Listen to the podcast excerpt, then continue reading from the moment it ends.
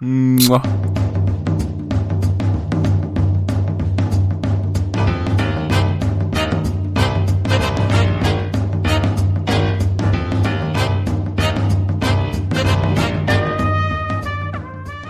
Hej ha, panocki, witajcie, to jest Nie. Trójka Podcast, odcinek piąty.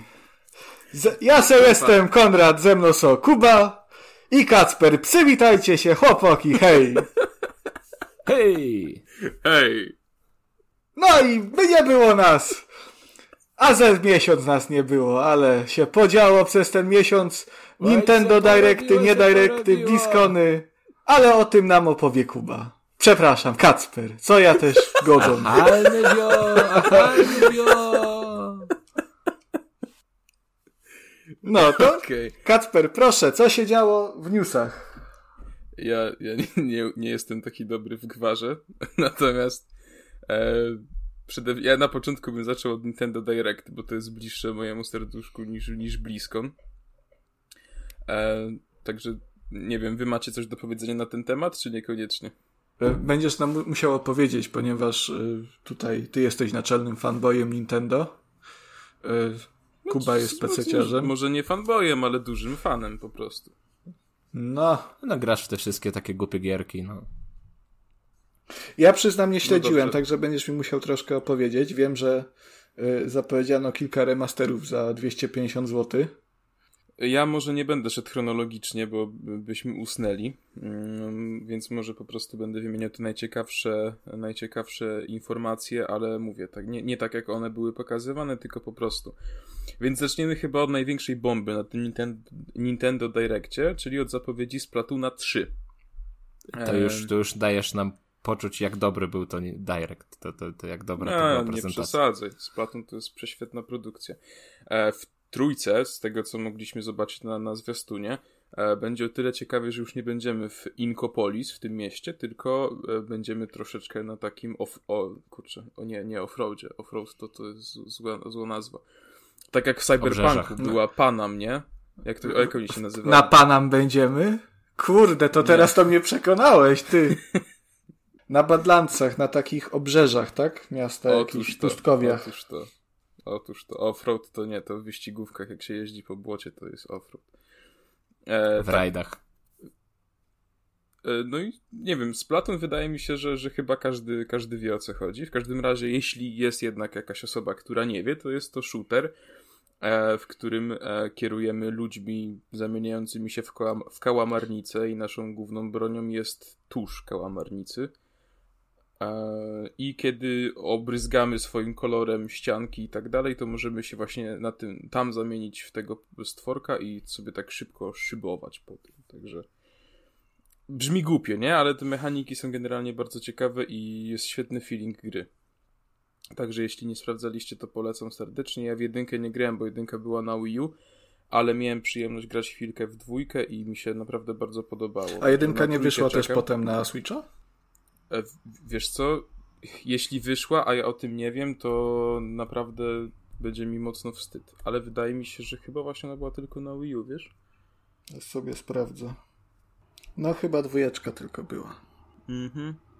E, dwójka była na Switcha, jedynka została tylko na Wii U, ale myślę, że to kwestia czasu, zanim się na Switchu pojawi, bo, bo ostatnio zresztą widać, że Nintendo podłapało trend e, jakby rem, e, przekładania tych najlepiej sprzedających się gier na, z najgorzej sprzedającej się konsoli na najlepiej sprzedającą się konsolę. No ale chyba w przypadku Splatuna to nie wydaje mi się, że oni będą chcieli to przerzucać, y, portować na Switcha, no bo to jest jedna gra sieciowa i od tamtej pory, no już tak jak teraz zapowiedzieli trójkę, to no kto będzie chciał do jedynki wracać po po dwóch kolejnych częściach, chociaż z drugiej strony, no przecież jak, jak wyszło ten Call of Duty 4 Modern Warfare Re- Remastered, to tam sporo ludzi się popłakało ze szczęścia i powróciło faktycznie, ale, ale no w Nie, przypadku są Splatuna trochę, akurat trochę to inna sytuacja. inny kaliber Myślę, chyba. że no możesz mieć rację w sumie. Trochę szkoda w sumie, że, że jedynka ominęła Switcha, e, ale ta trójka w każdym razie wygląda naprawdę, naprawdę bardzo, bardzo fajnie i, i nie powiem, że czekam. Daty premiery nie ujawniono, wiemy tylko, że będzie w przyszłym roku. Znaczy, ja w żadnego nie grałem, ale to nie są troszkę tak, że każda następna część jest po prostu tym samym, tylko jest więcej i lepiej? No to opisałeś teraz każdą strzelankę sieciową. no właśnie. No to, to chyba nie ma potrzeby no, na, na tą jedynkę, żeby ona wróciła na Switcha, także... Czy ja wiem, czy to szkoda? Ja bym powiedział, że szkoda. Ja bym chętnie w tą jedynkę zagrał, bo mówię, dwójka mi się bardzo podobała. Zatem na trójkę też czekam. No i jedynkę bym ograł z po prostu poczucia obowiązku i szacunku do tego. No ale to jest też właśnie problem gier sieciowych, bo ja mam dużo takich gier, do których ja bym chciał wrócić, yy, czy chociażby e, poznać je po raz pierwszy, albo w ogóle je, je poznać, yy, no, doświadczyć ich, ale ze względu na to, że, one, że to były gry sieciowe i powiedzmy one teraz mają po 15 20 lat, czy, czy nawet mniej, no to, no to raczej będzie z tym ciężko. Y, no chociażby z takich, z takich y, nowszych przykładów, no to na przykład Wild, Wildstar, który był bardzo fajnym MMORPG-iem, ale który, którego serwery zostały dwa lata temu bodajże wyłączone. Y, I no jak już ktoś teraz by chciał się zanurzyć w historii gier wideo, no to nie może. To, to są takie... Te gry sieciowe to są takie ulotne chwile, które trzeba, trzeba jednak złapać, bo, bo później prawdopodobnie nie będzie okazji, o ile to się nie okaże kolejnym WoWem na przykład. No ale tak jeszcze w ramach ciekawostki mogę powiedzieć, że jakiś czas temu odpalałem sobie te FIFy starsze na PS3 jeszcze, e, które jeszcze nie, nie, nie miały wyłączonych serwerów. Kasper, ja ci, ja ci pożyczę że... jakieś gry. Ale wiesz, my mu co chwilę proponujemy jakieś takie fajne, fajne klasyki, takie gry, w które trzeba zagrać, takie, które y, jakoś ukształtowały gatunek dany. Nie, on nie będzie w to grał, on nie chce, on nie chce, on, on starą FIFA sobie odpali. Panowie, FIFA, chciałem powiedzieć, że od pierwszego odcinka, w którym tu tak się śmialiśmy o, o wolnych 30 minutach, FIFA grałem w sumie może godzinę, bo ostatnio kul, troszeczkę kuleję na brak czasu, więc jeśli mam chwilę, to po prostu jednak staram się przechodzić gry. E, stąd też to, że właściwie wszystkie gry, jakie w tym roku przyszedłem poza Cyberpunkiem, to są gry na Switchu albo 3DS-ie, bo mogę sobie je zabierać wszędzie. Więc FIFA nie gram, ale włączyłem jakiś czas temu stare FIFA, które jeszcze nie miały wyłączonych serwerów, tylko po to, żeby sprawdzić, e, jak to wygląda sytuacja, czy w ogóle jest szansa, żeby znaleźć jakiegoś przeciwnika online. E, I powiem wam, że no jest i to całkiem spora, bo jest stale około 300 graczy chyba było w 15 czy w 16, nie pamiętam już dokładnie. W e, każdym razie, nie w 15, bo 16 mam na PS4 już. W każdym razie. A to to są te starsze FIFA. Ja, no. ja starsza FIFA to ja tak myślę tak 08, 09. Ja, ja miałem to samo. 089 to jeszcze to jest... bodajże nawet nie było trybu online, koledzy, bo foot jest chyba od FIFA 10. No ale, ale foot to nie jest jedyny tryb online przecież. Ale ty, ale ty nie wiesz, jak się grało kiedyś. Kiedyś się grało tak, że ty grasz jedną połowę, a po drugiej połowie zamieniamy ustawienia i ty grasz drugą połowę. Nie, ja tak właściwie tak FIFA, grało, no. FIFA gram od trzynastki, tak, tak bardziej. I od tamtej pory mam co roku nowe. Trzynastkę mam w ogóle na PS Vicie jeszcze. To jest ciekawa sprawa. To już jest uzależnienie chyba jakieś. Właśnie myślałem w ogóle, żeby sobie kupić FIFA na, na Switcha, e, żeby sobie grywać gdzieś tam czasem, ale no powiem wam, że. Ale to jest bez, jest ale to nie tak jest bez sensu. Przecież tak, ta, ta, tak. ta FIFA na Switcha to jest w ogóle jakiś no nieśmieszny żart. Bo z tego. No to właśnie to chciałem powiedzieć, te... że po prostu to jest tak okrojona wersja FIFA, że to jest smutne. Jak ostatnio właśnie wgłębiłem się w temat, e, FIFA 21 na Switchu jest po prostu tragiczna, bo nie ma trybu kariery, jeśli się nie mylę. Nie ma w ogóle futa. E, rozgrywka jest jak z FIFA 15. On, to wygląda po prostu jakby autentycznie. To, ta FIFA na Switcha to jest to, co mówią wszyscy hejterzy FIFA, nie? Że po prostu zmieniają stroje, robią transfery i puszczają to jako kolejny numerek. To tak, faktycznie FIFA na Switcha tym jest. Ale ty wiesz, czemu tak jest? Bo to jest, to jest faktycznie yy, ta FIFA 15 tylko wypuszczona jeszcze raz. Y, I możesz sobie zrobić taki mały eksperyment z Rabbit Holem, z tego co wiem, że jak wejdziesz y, na sklep Nintendo, na tą FIFA 21 teraz jest chyba, y, to tak. tam bodajże będzie napisane, że no to jest jakby to jakby FIFA 20 z usprawnieniami, coś takiego, nie? Jak wejdziesz na FIFA 20, to jest napisane, że to jest FIFA 19 z usprawnieniami. I tak, i tak do którejś FIFA. Y, ja to przytaczam teraz z głowy, nie? Więc to nie jest cytat.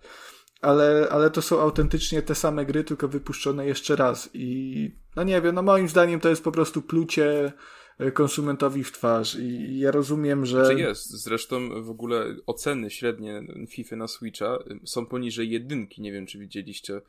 Bodajże 0,2 i ja totalnie rozumiem. Ale, ale to, jest, to jest ocena recenzentów, czy to jest ocena wkurzonych graczy? E, chyba graczy. No to tu, nie, to tutaj, tutaj to bym nie ufał jest, jednak. No. Okej, okay, ale tak czy siak, w sensie ja ci powiem tak, gdyby Switch to była moja jedyna platforma do grania i faktycznie zdarzyłoby mi się coś takiego, że e, stwierdziłbym, że no czekam na, te, na tę nową FIFA, kupuję, odpalam i się okazuje, że jest coś takiego, no to bym naprawdę też się wściekł.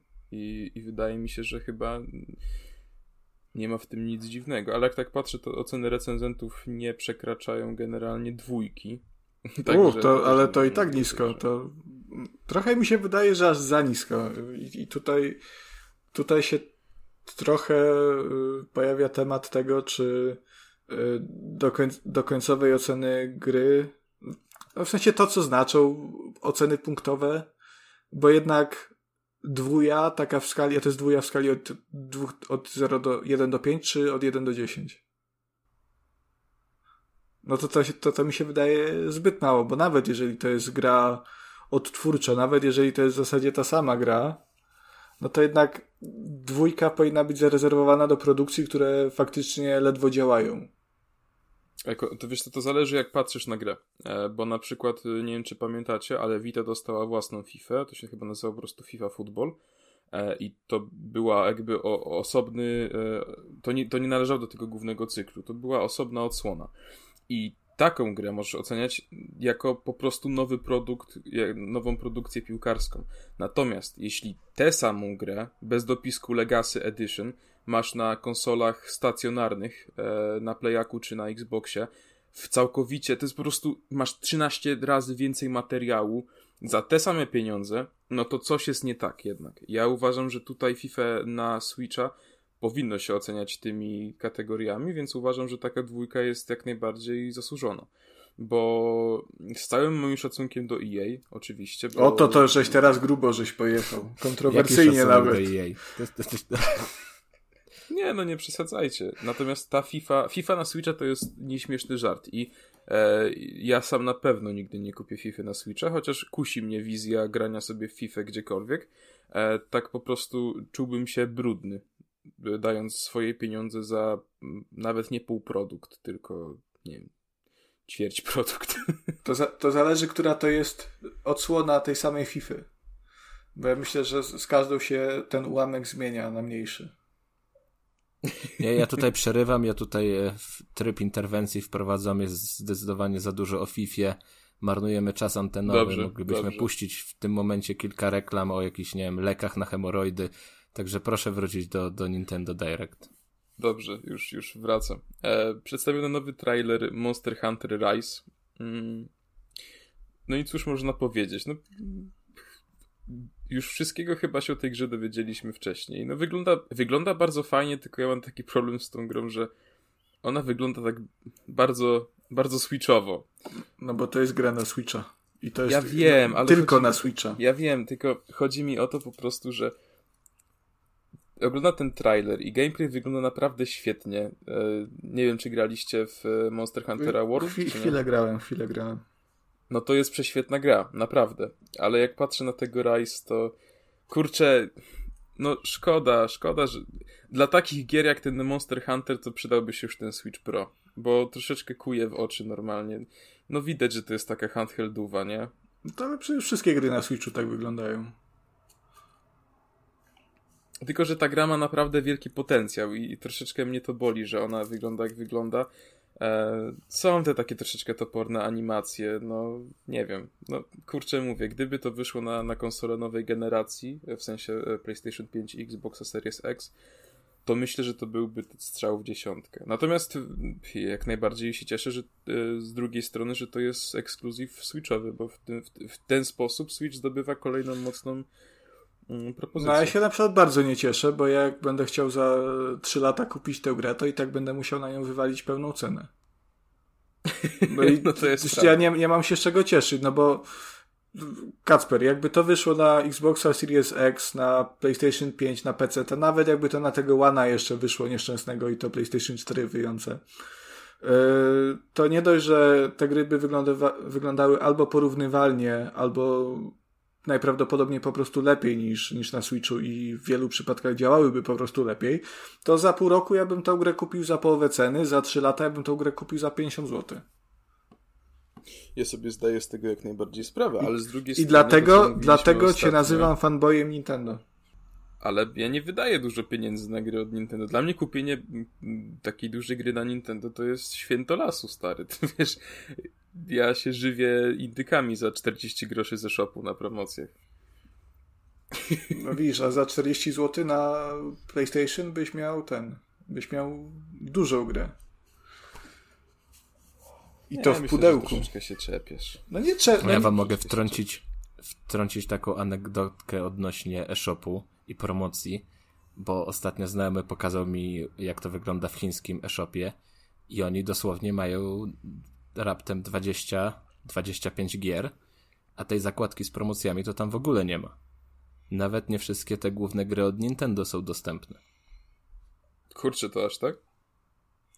No, no, no tak, to, także to może niedługo też czek czekać Steama z tego, co, co, co słyszeliśmy. Tak, także no, nawet nie chyba, tylko raczej na pewno. Także Kuba ciesz się y, swoimi grami, póki, póki możesz. Nie, no wiesz, ten, ten chiński Steam jest już wprowadzony, ale kwestia tego, czy zablokują tego międzynarodowego i czy dołożą wszelkich stara starań do tego, żeby zablokować też możliwość korzystania z VPN-u, żeby go odpalić.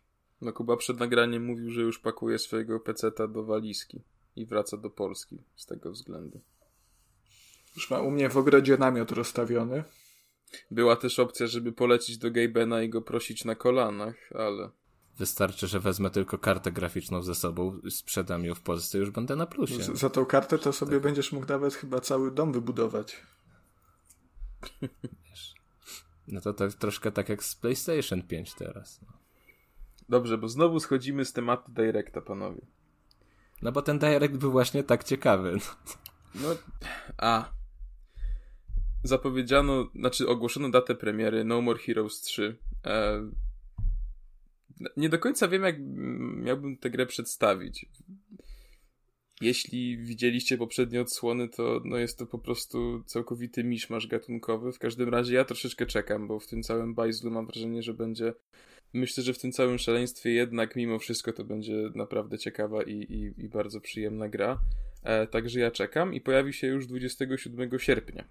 Także już, już, już wkrótce, już tuż, tuż. Dalej, e, to tylko szybko powiem, bo nie ma sensu. Na Directie zdecydowanie za dużo czasu poświęcono na ten segment. E, do Super Smash Bros. Ultimate e, dołączy nowa postać, która właściwie jest dwoma postaciami i chodzi o Pyrę i Mytrę z Xenoblade Chronicles. Ale Pyrę taką e... krakowską Pyrę?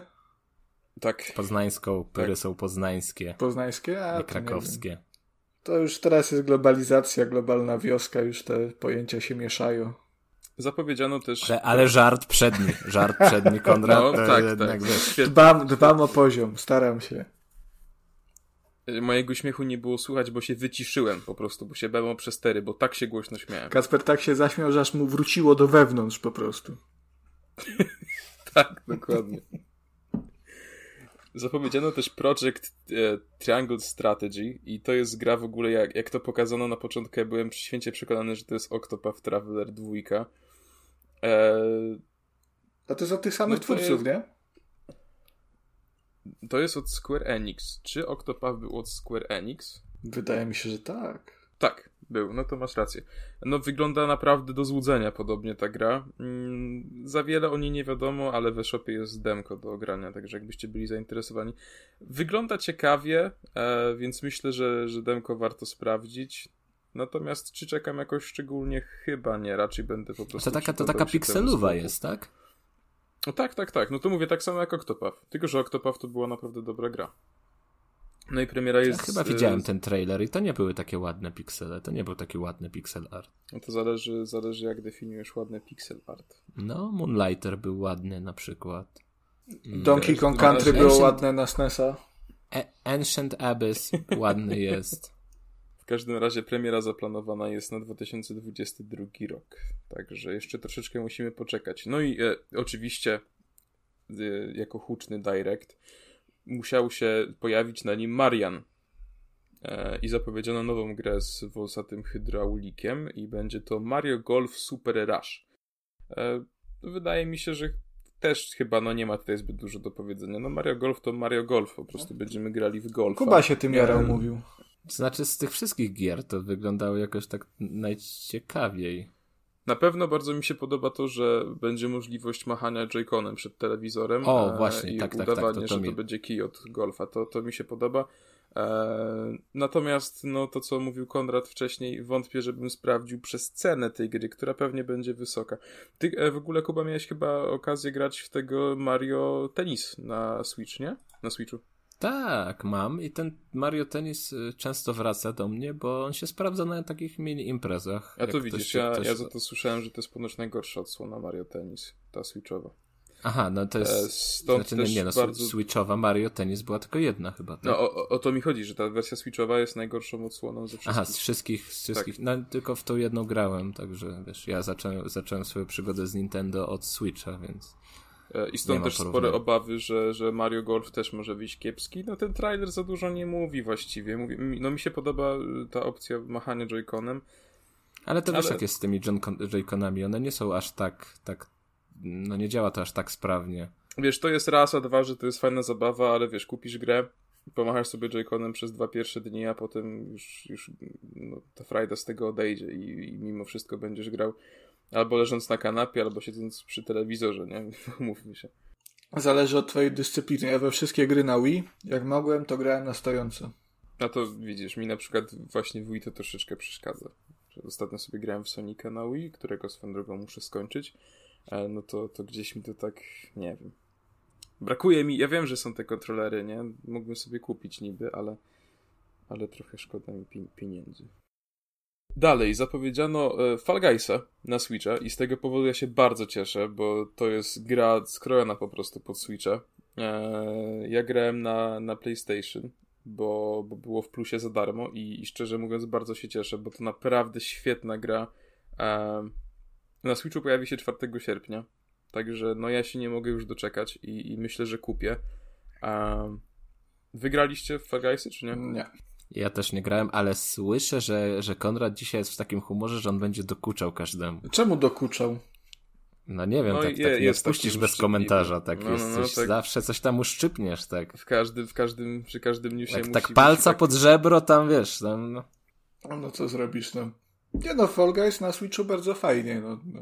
Ja jestem zaskoczony, że ta gra jeszcze żyje, bo ona yy, ona bardzo szybko wskoczyła na e, listę przebojów, na top 1 E, natomiast potem wyszło Among Us i no, troszkę o Fall Guys zapomniano. Także bardzo fajnie, że, że ta gra cały, cza cały czas istnieje. Among Us kochaniutki wyszło w 2018 roku bodajże. Po prostu ludzie sobie o tej grze przypomnieli. No, tak było. Faktycznie. No tak było, tak było. Natomiast, natomiast po Fall Guysach Among Us y, wyszło, prawda, z szafy. O to mi chodziło. I y, zagościło w zbiorowej świadomości graczy. Sz ale szachmat. w znaczy faktycznie, no już troszeczkę osób o tym zapomniało, ale na przykład y, w ramach ciekawostki mogę powiedzieć, że jak y, w studiu Naughty Dog y, typowali swoje gry roku, e, no to generalnie właśnie wygrywał Fall Guys, był na szczycie. E, nawet przebijał Ghost of Tsushima, który był takim głównym kandydatem, no bo wiadomo, że The Last of Us 2 no nie wymienią, bo są skromni. Także jakby nie było, jest to gra doceniona, która gdzieś tam e, została w głowach graczy i myślę, że, że swoją drogą dobrze zrobili, że nie wydali tego od razu na Switcha, tylko że troszeczkę z tym poczekali, e, no bo dzięki temu właśnie myślę, że ta gra teraz będzie miała szansę też troszeczkę odżyć. E, no i dalszy punkt programu, który był jednocześnie bardzo fajny i jednocześnie bardzo rozczarowujący, czyli zapowiedź nowej Zeldy, która jest uh! jednak remasterem starej Zeldy, pod, która nosi pod tytuł Skyward Sword. generalnie, szczerze powiem, według mnie jest to chyba jedna z najgorszych Zeld, jakie kiedykolwiek wyszły. W ogóle się tym nie ekscytuję, na pewno tego nie kupię. E, też widziałem, że będzie tam mechanika e, machania joyconami, że to będzie, jeden to będzie miecz, drugi to będzie tarcza, jeśli się nie mylę. W każdym razie nawet to mnie niezbyt przekonuje do tego, żeby tę grę nabyć. Jedyne, co mnie przekonuje i co chyba nabędę, to są te przepiękne joycony, które zrobiono. No, czy przepiękne? są przepiękne, to są najcudowniejsze joycony, jakie ale powstały. Ty, ale ty tak mówisz o każdych joyconach. Mi się, mi się nie podobają. Są piękne. Te joycony są naprawdę piękne. Jak zapowiedzieli ostatnio joycony z Bario, to te czerwono-niebieskie to też krzyczałeś, że najpiękniejsze. No. E, nie. E, po prostu mi się podobała ta edycja kolekcjonerska e, jako całość. Same joycony są przecież tylko czerwone, więc to jest nic specjalnego. Samych joyconów bym nie chciał mi się po prostu podoba, jak ta konsola wygląda w całości. E, natomiast jeśli jesteśmy już przy takich estetycznych rzeczach, że tak powiem, to mogę powiedzieć, że przepiękne są też produkty z Monster Hunter Rise. Pro, Controller, Pro Controller, Joy-Cony, sama konsola, cudo, naprawdę. W każdym razie te Joy-Cony z Zeldy mnie bardzo kuszą i myślę, że jak moje się zajadą obecne, a to się prędzej czy później stanie, bo, bo nie są to najtrwalsze kontrolery, E, no to z pewnością jej nabędę. Bo są a ty, a ty nie masz Pro Controllera? Aha, bo ty mówiłeś, że grasz bardziej na handheldzie. E, tak, ja Dobra, miałem, ale już, już, już nie mam. Więc, ale nie, po prostu chodzi mi, że naprawdę no te joycony z Zeldy to, to jest ojejciu. Zakochałem się w nich. W tym, w ten trailer y, oglądałem z tej nowej Zeldy, mhm. znaczy nowej, starej Zeldy i ten tryb machania tymi Joy-Conami, to mi się troszkę wydawało, że ta gra jest po prostu za wolna na to, że to, że to nie będzie fanu. No, Skyward Sword nie bez powodu jest y, uznawany, no nie tylko przez Kacpra, ale, ale w ogóle y, przez fanów serii za jedną z najs najsłabszych odsłon. No, no, jest, no to jest właśnie ten problem Wii, nie? Bo największym gimmickiem Wii było, były kontrolery ruchowe, no i każda gra first party od Nintendo musiała e, to w pełni wykorzystywać i tak było z tą Zelda, więc wszystko tutaj jest oparte na, na tym. No ale tam też były e, też inne problemy, no na przykład to, że z tego, z tego co mi wiadomo, no to e, cała cały tutorial on chyba trwa z, z pół godziny, z godzinę i to jest takie mozolne E, przebijanie się przez wszystkie mechaniki, jakieś zaganianie koni. E, no i ponoć ta, ta, ta gra jest pod, taka no, trochę nudna, faktycznie. No, dlatego mówię, że ja, ja nie wiem, no, jeśli ta gra mi się kiedyś jakimś cudem znajdzie w moich rękach, pewnie zagram, ale na pewno nie, nie będzie to pozycja, która wskoczy na moją y, listę must-have'ów na, na Switchu, nie? Bo jest, jest dużo ciekawszych propozycji. Ale u mnie wskoczy, bo ja lubię takie Stare gówna. Dlatego Konrad, który przed chwilą marodził, że Splatoon będzie kosztował 250 zł, teraz postanowi tyle wydać na remaster jednej z najgorszych Zeld. E, nie, przepraszam, no ja za to wydam może na jakieś promocji, nie wiem, jakiś kupon w Mediamarkcie dostanę albo coś, no. No Dobrze, to też wiem. możemy wrócić do tego, co mówiłeś wcześniej, że jeżeli by to faktycznie się okazała słaba gra, to wraz z, ze czasem powinna tracić na, na cenie i po kilku latach można by ją ograć gdzieś sobie za grosze po prostu z czystej ciekawości. Nie na Switchu byczku. A, a, jednak, a jednak to będzie trzymało cenę cały czas. No ale zakładam, że i tak to będzie tańsze niż yy, oryginał na GameCube'a albo na, na Wii. No bardzo możliwe, bo, nie, nie bo wiem, te gry niektóre switchowe e, e, na stare Nintendo są naprawdę horrendalnie drogie. E, na przykład pierwszy, e, pierwszy Paper Mario jest praktycznie nie do kupienia, a egzemplarze chodzą nawet za 600 zł, także to, to jest drogi interes. Warto zbierać takie, takie gry i, i na przykład teraz jest, e, jest taki moment, w którym gry z PlayStation 3 i Xboxa 360 są bardzo tanie i warto się w nie zapatrywać, bo za, za 50 lat te, te gry będą naprawdę zajebiście drogie. No chyba, Konrad. że będzie wojna i gry nie będą już nikogo. A swoją... Swo... No nie no, będą kogoś, takie, takich kolekcjonerów jak ja, którzy będą chcieli to poznać, nie? Te, te, te wszystkie okropne gry, które kiedykolwiek wyszły. E, natomiast ciekawi mnie jedno, bo jest w przypadku technologii, w przypadku gier, jest ten cykl, e, kiedy gra na początku jest droga, potem ona tanieje i z czasem zyskuje cały czas na cenie, no bo nie jest sprzedawana w sklepach, nie można jej dostać legalnie, więc ten e, wtór, rynek wtórny no on, jest, on, on się robi dosyć kosztowny wtedy. Jestem ciekawy, jak to będzie teraz grami Nintendo na Switcha, bo skoro te gry w ogóle nie tanieją, to ja się trochę boję, że one, one przez cały czas będą drożeć. Że nie będzie tego momentu, że one będą w ogóle tanie. I to mnie przeraża. To sprawia, że nie śpię po nocach. Znaczy gry na Switcha nie o jakim, o jakim Dla mnie... Paper Mario ty mówiłeś, Kacper? Jeszcze sorry, że tak się wtrącę, bo tak chciałem zobaczyć, czy u mnie jest dostępne tutaj na, na chińskim e... Allegro. Wiesz co, ja miałem na myśli tego z, Game, z GameCube'a. A, a Thousand Years Door, czy coś takiego? Tak, tak, tak, tak, tak. tak. E, wydaje mi się właśnie, że o tego, tego mi chodzi. To ten był na, tak, na, no. na GameCube. To jest ten. Tak. Mhm. Dobra, to ja sobie później poszukam, bo tak na szybko to jedynego, jakiego znalazłem z tych starszych, to jest na 3DS-a. E, no i właśnie, i właśnie widzę, że na przykład na Allegro jest tylko jeden zestaw e, tego Paper Mario na GameCube'a i kosztuje 899 zł. Nie, na, na GameCube na, na GameCube'a gry są teraz bardzo drogie, nawet te, te z takich y, troszkę niżej ocenianych. Na przykład Star Fox Adventures, y, no to kosztuje no ponad stówkę na pewno, przynajmniej parę lat temu. Ale wyobraźcie kupowałem. sobie taki ból, że ktoś jest kolekcjonerem i faktycznie kupuje za 900 zł tego Paper Mario e, i za tydzień jest nowy Direct i ogłaszają remaster na Switcha, nie? Ja bym normalnie się, nie wiem, rzucił pod pociąg chyba.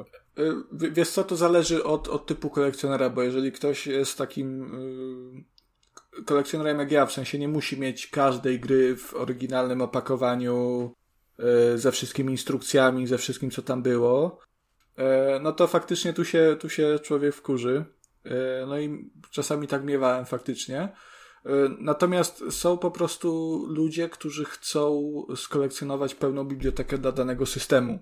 Więc to, czy ta gra wyjdzie potem na Switcha, czy na Xboxa Series X, to ich to nie obchodzi, bo oni chcą mieć powiedzmy tego E, tego Paper Mario na GameCube'a i, i chcą mieć pełną bibliotekę GameCube'a. Więc to jest zupełnie inna mentalność w tym, w tym przypadku. No niby tak, no w każdym razie, no nie wiem, ja bym był bardzo niepocieszony. No inna sprawa, żebym też nie kupił Paper Mario za 900 zł, ale no to już swoją drogą. Ale dobrze, już tak myślę, że, że temat y, Directa możemy kończyć, więc jeszcze już tak na szybko, bez rozgadywania się, przedstawię tylko najciekawsze informacje poza tym. E, Hades doczeka się wersji pudełkowej, także Kuba powinien być bardzo zadowolony z tego powodu. E, I premiera będzie już 19 marca. Planujesz kupić Kuba?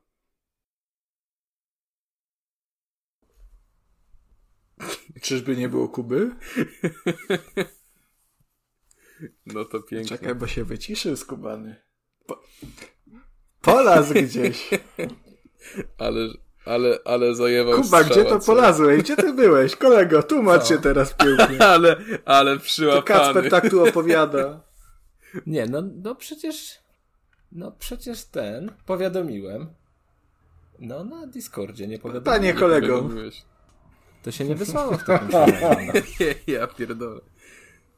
A coś tam się pytałeś do mnie? Jakieś pytanie do... Tak, tak. Czy tak. się cieszę, że Hades wyjdzie w pudełku? Yy, znaczy ja troszkę na pudełka, ja jestem w tej grupie, która faworyzuje pudełka. Dobra, kupisz czy nie kupisz, bo o to się pytałem. Nie, no nie kupię, właśnie no i tego tyle, zmierzam, że nie, że nie kupię, bo... bo ja mam ten problem z każdą rzeczą materialną, którą nabywam będąc tutaj, że mam z tyłu głowy gdzieś, że może kiedyś nie będę mógł jej ze sobą zabrać, że będę musiał ją porzucić ale dla mnie rozstanie z każdym takim skarbem, jak jakieś fajne pudełko, czy nie wiem, fajna gra planszowa, jakaś fajna pamiątka gdzieś z wycieczki, jeżeli bym to musiał zostawić, to by mnie po no prostu Przemycisz. dusza bolała. No. Nie, no to wiesz, no mógłbym zawsze wysłać, no ale to wszystko generuje koszty, to nie wiadomo czy dojdzie, to nie wiadomo czy celnicy się nie przypierniczą. Raz mieliśmy taką sytuację, będzie anegdotka, że wysłaliśmy jakąś paczkę do Polski, i tutaj, że na każdy nowy chiński rok jest tam inne zwierzę według tego chińskiego, chińskiego kalendarza, chińskich zodiaków. I po prostu jakaś taka maskotka odpowiadająca temu, temu zwierzęciu, temu roku była.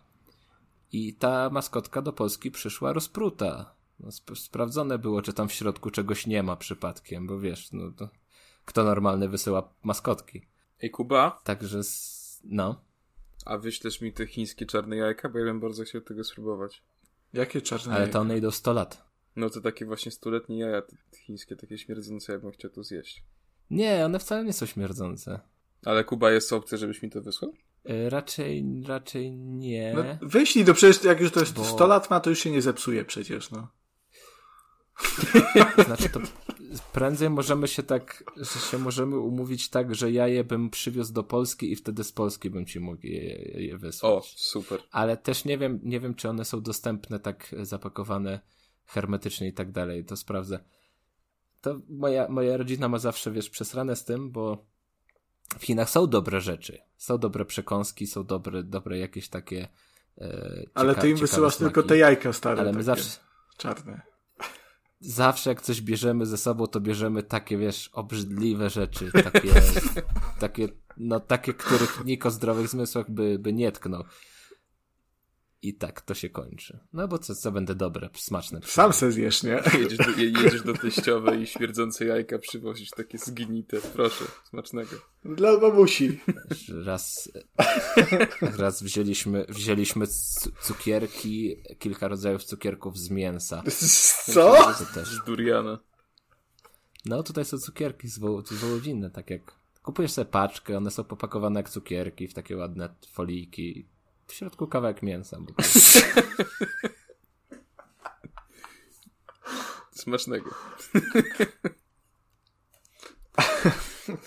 A co ostatnio, ostatnio też wiedziałem w Walmarcie, z okazji Nowego Roku dużo takich jest, e, no te same produkty, tylko inaczej popakowane tam na świąteczne, świąteczne opakowania, duże paczki i tak dalej. I były par parówki, takie ala, ala barbecue i one były na patyki ponabijane, to tak w sumie, że wyglądały jak lizaki. I w takich były ok okrągłych takich pudełkach, takich słoikach jak czupa czupsy kiedyś były, tylko że to były parówki. I to są teraz sobie, teraz sobie e, pomyśl, jakiej jakości są te parówki, że one nie muszą stać w lodówkach nawet, wiesz, one stoją po prostu po prostu tak sobie e, gdziekolwiek, na zwykłych półkach. To są takie, to, to nawet chyba nie jest A mięso. to jest jakieś podsuszane przynajmniej, czy coś? Nie, nie, nie. To jest, to jest chyba e, no, jakiś twór, twór chemiczno Ty, a ja w sumie nie myślałem o tym nigdy, ale... Ale no nie, no czekaj, no jak na przykład kabanosy, a kabanosy są wędzone, to też chyba inaczej trochę. No bo ka kabanosy też możesz kupić i one są na przykład bieżące z jakiegoś tarczyńs tarczyńskiego czy z jakiegoś Sokołowa, to one są na takim y, tym y, kartonowym stędzie, ale na przykład Tarczyński robi też takie takie, nie wiem, to się chyba jakieś snaki nazywa, czy coś takiego, że to jest parówka w bułce. Albo biedronce są te takie hot dogi. Te To jest tak zwany hot dog, Konrad. To, to wiesz co, możemy zrobić taki eksperyment, że ty sprawdź, jaką to ma datę e, przydatności do spożycia i ja sprawdzę, jaką mają te A parówki. te- teraz mnie zaintrygowałeś autentycznie, teraz aż se pójdę, bo, bo w Biedronce można, można kupić... dobra. Czekaj, teraz mówię o parówkach. Y, W, bie, w, Ważne, są- ważne są rzeczy teraz, a nie tam Właśnie, Nintendo. w. Biedronce, to są newsy. W Biedronce możesz kupić te takie hot dogi. e, To nie jest hot dog, to, to jest tak w zasadzie parówka w takiej kieszonce, nie? E, I, i, i, to, Parówka w no kieszonce. to, i, to, I to też jest przy tych bułkach, przy chlebach. I ja w sumie się na tym nie zastanawiałem, a faktycznie to tam leży. Zakładam, że to jest, przynajmniej tak, mam takie pobożne życzenie, że to wymieniają codziennie rano, nie? Ale, ale no to w sumie leży cały dzień na, na, na tym cieple. Kurde. Ja to jadłem, cholera jasna. Nie, no jak jadłeś jest i spoko, jest wszystko. To nie masz jakichś takich, wiesz, e, przykrych wspomnień. To znaczy, że okej. Było tam na tyle dużo chemii, że... że Za spoko. 20 lat ta parówka się odezwie, jak mi trzecia ręka wyrośnie. I tak, Kacper, właśnie tak. y, Hadesa nie kupię. Właśnie przez te parówki. Właśnie przez to, tak to będzie. Nie, ma- nie ma co się przywiązywać do rzeczy materialnych. Wracając do rzeczy mniej ważnych, jak się okazuje. E, 10 czerwca pojawi się Ninja Gaiden Master Collection. E, jako, że chłopaki są wielkimi e, wyjadaczami gatunku Souls-like, to pewnie się ucieszą. Ja niekoniecznie. E, 25 lutego pojawi się update nowy do Animal Crossing, który wprowadzi rzeczy z e, serii Super Mario, więc ja się z tego powodu bardzo cieszę. I nie wiem, czy sobie nie zrobię drugiego konta zresztą, żeby e, starać się odbudować zamek Peach, bo to by było bardzo ciekawe. Zobaczymy też na ile nam twórcy pozwolą e, na, wykorzystać naszą kreatywność w tym temacie. Mm, I chyba. E, aha, jeszcze pojawi się Tales from the Borderlands, czyli bezdyskusyjnie najlepsza gra od Telltale na Switchu i premiera będzie już 24 marca, także już za, za niecały miesiąc. E, no, lekko ponad miesiąc. No i ostatnia taka ciekawa rzecz, która właściwie też wiąże się z jednym e, smutnym absurdem. E, będzie ogłoszono, że pojawi się Mitopia, czyli coś, co powinniście już chyba kojarzyć, jeśli macie jakieś tam konsole Nintendo. Mm, jest to taka niezobowiązująca gierka, w którym kierujecie swoim Mi, e, czyli tą swoją postacią, którą robicie na, na Nintendo. E, premiera będzie już 21 maja. E, smutne jest to, że ta gra będzie normalnie kosztować, bo poprzednio była darmowa, ale to nie o to mi chodziło. E, ponieważ w Mitopii nowej będzie coś takiego, taki system nie do końca związków. Będziesz mógł mieć swojego jakby soulmate'a. No i na, na trailerze było pokazane, że będzie, będzie, będzie można mieć soulmate'a o tej samej płci. E, z tego względu już oficjalnie ogłoszono, że w całej Rosji gra będzie 18 plus e, przez wzgląd namawiania namawiania do LGBT. I właśnie ostatnio rozmawiałem ze swoim tatą i się śmiałem właśnie z tego, że e, bardzo przykre jest to, że ja naprawdę się nie zdziwię, jak do, do premiery tej, tej mitopii do maja faktycznie tak się wydarzy i u nas, nie? No nie, jest to absurdalne no, trochę. Nie, nie, wydaje mi się, żeby aż tak źle było. Przynajmniej mam taką nadzieję. No. Chociaż kto wie, no. oni mnie zaskakują codziennie praktycznie. Właśnie o to chodzi, o to chodzi, że, że po prostu stary pół roku temu nie powiedziałbyś, e, że to wszystko, co się wydarzyło przez te pół roku się wydarzy. Nawet, nawet byś o tym nie śnił. Pół, pół roku temu to miałem na to wszystko takie, takie wyjebongo, że ojej, a, a teraz to jak włączam telewizor, to, to, to tylko kurwie pod nosem, bo no, już mnie... No. Pół roku temu to jeszcze nie było sławy i kariery podcastu. No. Tak no było. i ostatnia wiadomość, e, Apex Legends pojawi się już 9 marca, czyli niedługo na Switchu i ja bardzo się nie mogę doczekać, bo Apexa naprawdę lubię i będzie grane, niewątpliwie. Możemy się dogadać na jakąś wspólną rozgrywkę, może na wspólnego streama, tym bardziej, że na Apexie jest e, crossplay, także to nie będzie kłopot o, w wypadku. to dobrze, to będę mógł grać w przyzwoitej ludzkiej jakości i klatkarzu. Strasznie, straszny pierdolnik tematyczny się zrobił podczas tego directa zwróciłem uwagę, bo przeszliśmy przez przez gry, e, zaczęliśmy od gier, przeszliśmy przez parówki, e, przez chińskie przygody, rozrywanie misia na lotniskach, e, aż po e, jebanie PiSu, także ale, ale, ale przestrzał tematyczny. że ty nie słuchałeś uważnie. Miś nie był rozrywany na lotnisku. Dobrze. Miś był wysłany. E... Już Dobrze. rozerwany.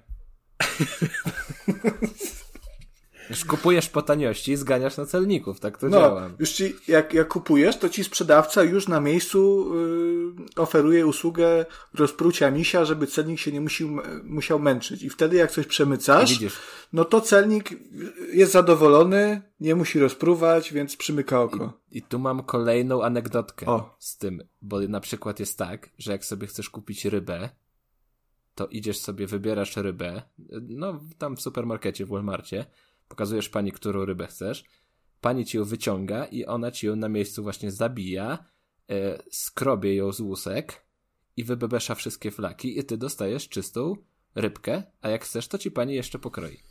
Tak, i to było na Nintendo Directie. Teraz przechodzimy do Blisko, e, który jest bliżej e, jednak moich kolegów niż mnie. E, więc ja zacznę od tego, co mnie najbardziej interesuje, potem oddam głos e, moim e, podopiecznym. O, po, podopiecznym, patrz jak się awansował. O, dorosły się znalazł. Kombi... Metr 50 w kapeluszu. Sobie, ten. Zniżkę, zniżkę na bilety sobie Przepraszam, załatwić. Mam metr 86. No, a ja mam... I piękne niebieskie A ja oczy. mam wstęp do odcinka przed intro. e, więc wracając, Jezus, przestańcie mnie rozpraszać, już mnie denerwujecie. Na co ja czekam od Blizzarda najbardziej? Na Overwatcha dwójkę, ponieważ jedynka to jest gra, którą bardzo kocham. E, mam w niej przegrane naprawdę blisko 200 godzin, e, co i tak jest za mało według mnie, bo, bo to jak Blizzard dba o tę grę i to jak ona się rozwija, to jest istny majstersztyk. E, więc na dwójkę czekam niesamowicie bardzo. Z tego też względu średnio mi się podobało to, co na tym blisko nie zobaczyliśmy, bo no za wiele tam nie było. Zobaczyliśmy dwie nowe mapy e, i zobaczyliśmy nowe wizerunki kilku postaci. E, wymieniać chyba nie będę, bo, bo nie, wygraliście w Overwatcha w ogóle? Nie, ale, ale Jesteście kojarzę. w temacie? No, trochę nie da się nie być w temacie, bo to w 2016 roku to był no nie dało się uciec od tego tytułu, tak naprawdę. Znaczy, no to jest fenomen i ja wam powiem, że naprawdę myślę, że jak dwójka wyjdzie, to oj, oj, be, be, będzie zarywane nocki, na, na pewno, to ja się założę, bo to jest... Ale Kacper, czy to jest fenomen? Czy ty przez ostatnie 2-3 lata cokolwiek o Overwatchu słyszałeś? Znaczy, no ja byłem zainteresowany, więc no, no to, ale, no, no to, to, ale Przecież... to jest co innego. Ja na przykład nie byłem i ja nie słyszałem nic. A o grach takich jak Overwatch, jak Rainbow Six Siege, Yy, czy nawet ten głupi Apex Legends, Legends yy, no to cały czas coś o tym słyszę. Overwatchu? Ale czekaj, czekaj bo ty czekaj. właśnie powiedziałeś, że o Overwatchu nic nie słyszysz, ale o Overwatchu ciągle coś słyszysz, także nie. Nie, nie wiem, jak? grę Co? miałeś nie. na myśli. Tak Mówiłem o Rainbow Six tak. Siege. A przed? Powiedziałeś, Wymieniłeś jeszcze nie no, słyszałem nic Overwatch, o Overwatchu, tak. ale dużo słyszałem o Overwatchu, Rainbow Six Siege i Apex Legends. No nie, mówiłem, że przez ostatnie 2-3 lata nie słyszałem nic o Overwatchu. Dobra, zobaczysz A o Rainbow Six Siege, o, o The Division, o Apex Legends. No to Legends, The Division nie powiedziałeś. Cały czas, tak. to teraz, to, teraz je dodałem, to, to cały czas o, o nich słyszałem, więc ja nie wiem, czy to jest taki fenomen. Ja myśl, dla mnie Overwatch to był taki, taka gra, która nagle wystrzeliła, i ona tak po, pozostała na tym topie przez, przez ten rok, dwa, a potem nagle o niej ucichło. Mogę mieć jedno pytanie do ciebie? No dajesz. Czy ty masz taką skłonność, że każdą grą, którą ja się jaram i mówię na podcaście, że mi się bardzo podoba, tak jak było w przypadku Splatuna, ty potem musisz powiedzieć, nie, nie, to był chwilowy fenomen. Ale, ale nie, ale... Już tak, Splatoon, Fall Guys i teraz Overwatch. Ale ja troszkę tutaj staję po stronie Konrada, no bo ty się, Kacper, po prostu kiepskimi jakimiś no, grami. Nie, przepraszam. Overwatch, Overwatch był bardzo dobrą grą i ja to przyznaję. To jest, o, ja ją dalej mam na liście, ja w nią sobie kiedyś zagram, jak jeszcze będzie pięciu graczy na serwerze. Yy, natomiast to nie chodzi o, o samą jakość produkcji, tylko o to, czy ona faktycznie była fenomenem, czy ona była po prostu dobrą, dobrą grą, która nagle wystrzeliła. Bo... No to dobrze, czekaj, dodaj mi teraz powiedzieć. Okej? Okay?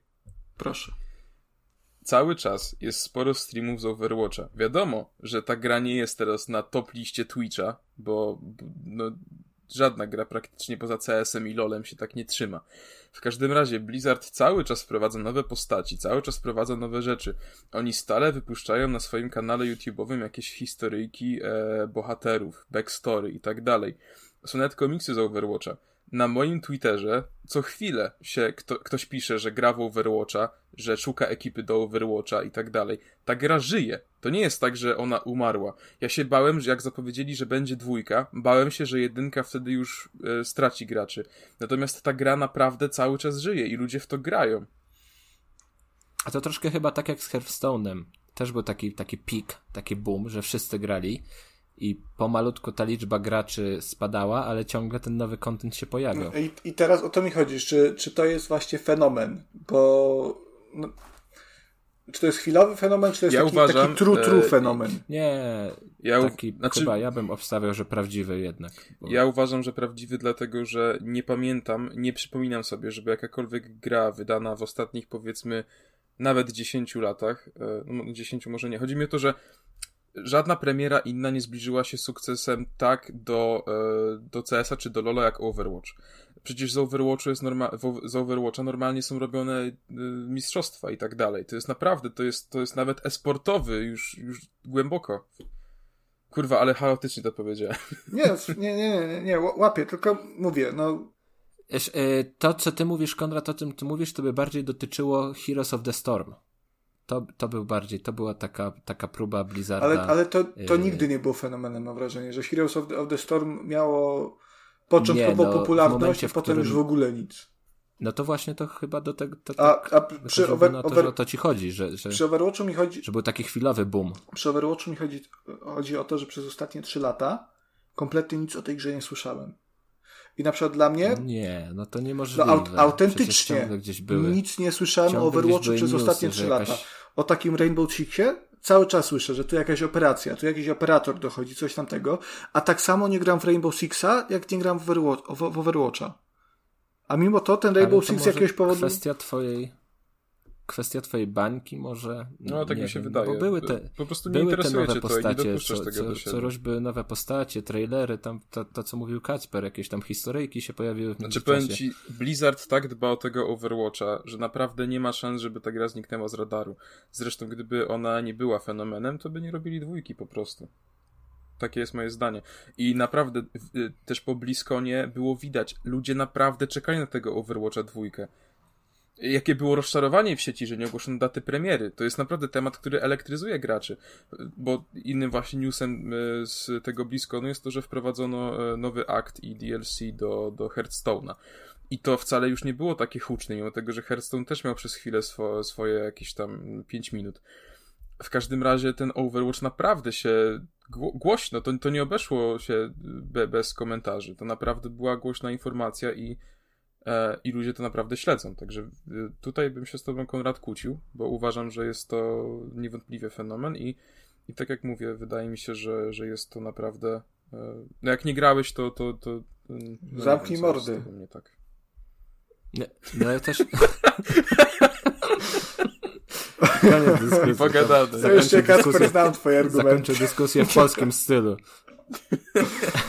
Nie, ja, nie, no ja też nie grałem w Overwatch, ale to dlatego, że ja w te wszystkie, po prostu mnie te wszystkie sieciowe gry omijają tutaj przez, przez ten chiński, no chińską i, e, cenzurę i tak dalej. Jeśli tego powiem, przepraszam, trochę się zapędziłem z tym, bo, bo jednak wyszedł też Fortnite w międzyczasie, czy... O, o e, to jest, to jest fenomen, sukcesu, Fortnite. Ale Fortnite faktycznie też dogonił e, CS i LoL, także to tylko to, to tak... A, a Fortnite ich w ogóle nie przegonił czasem?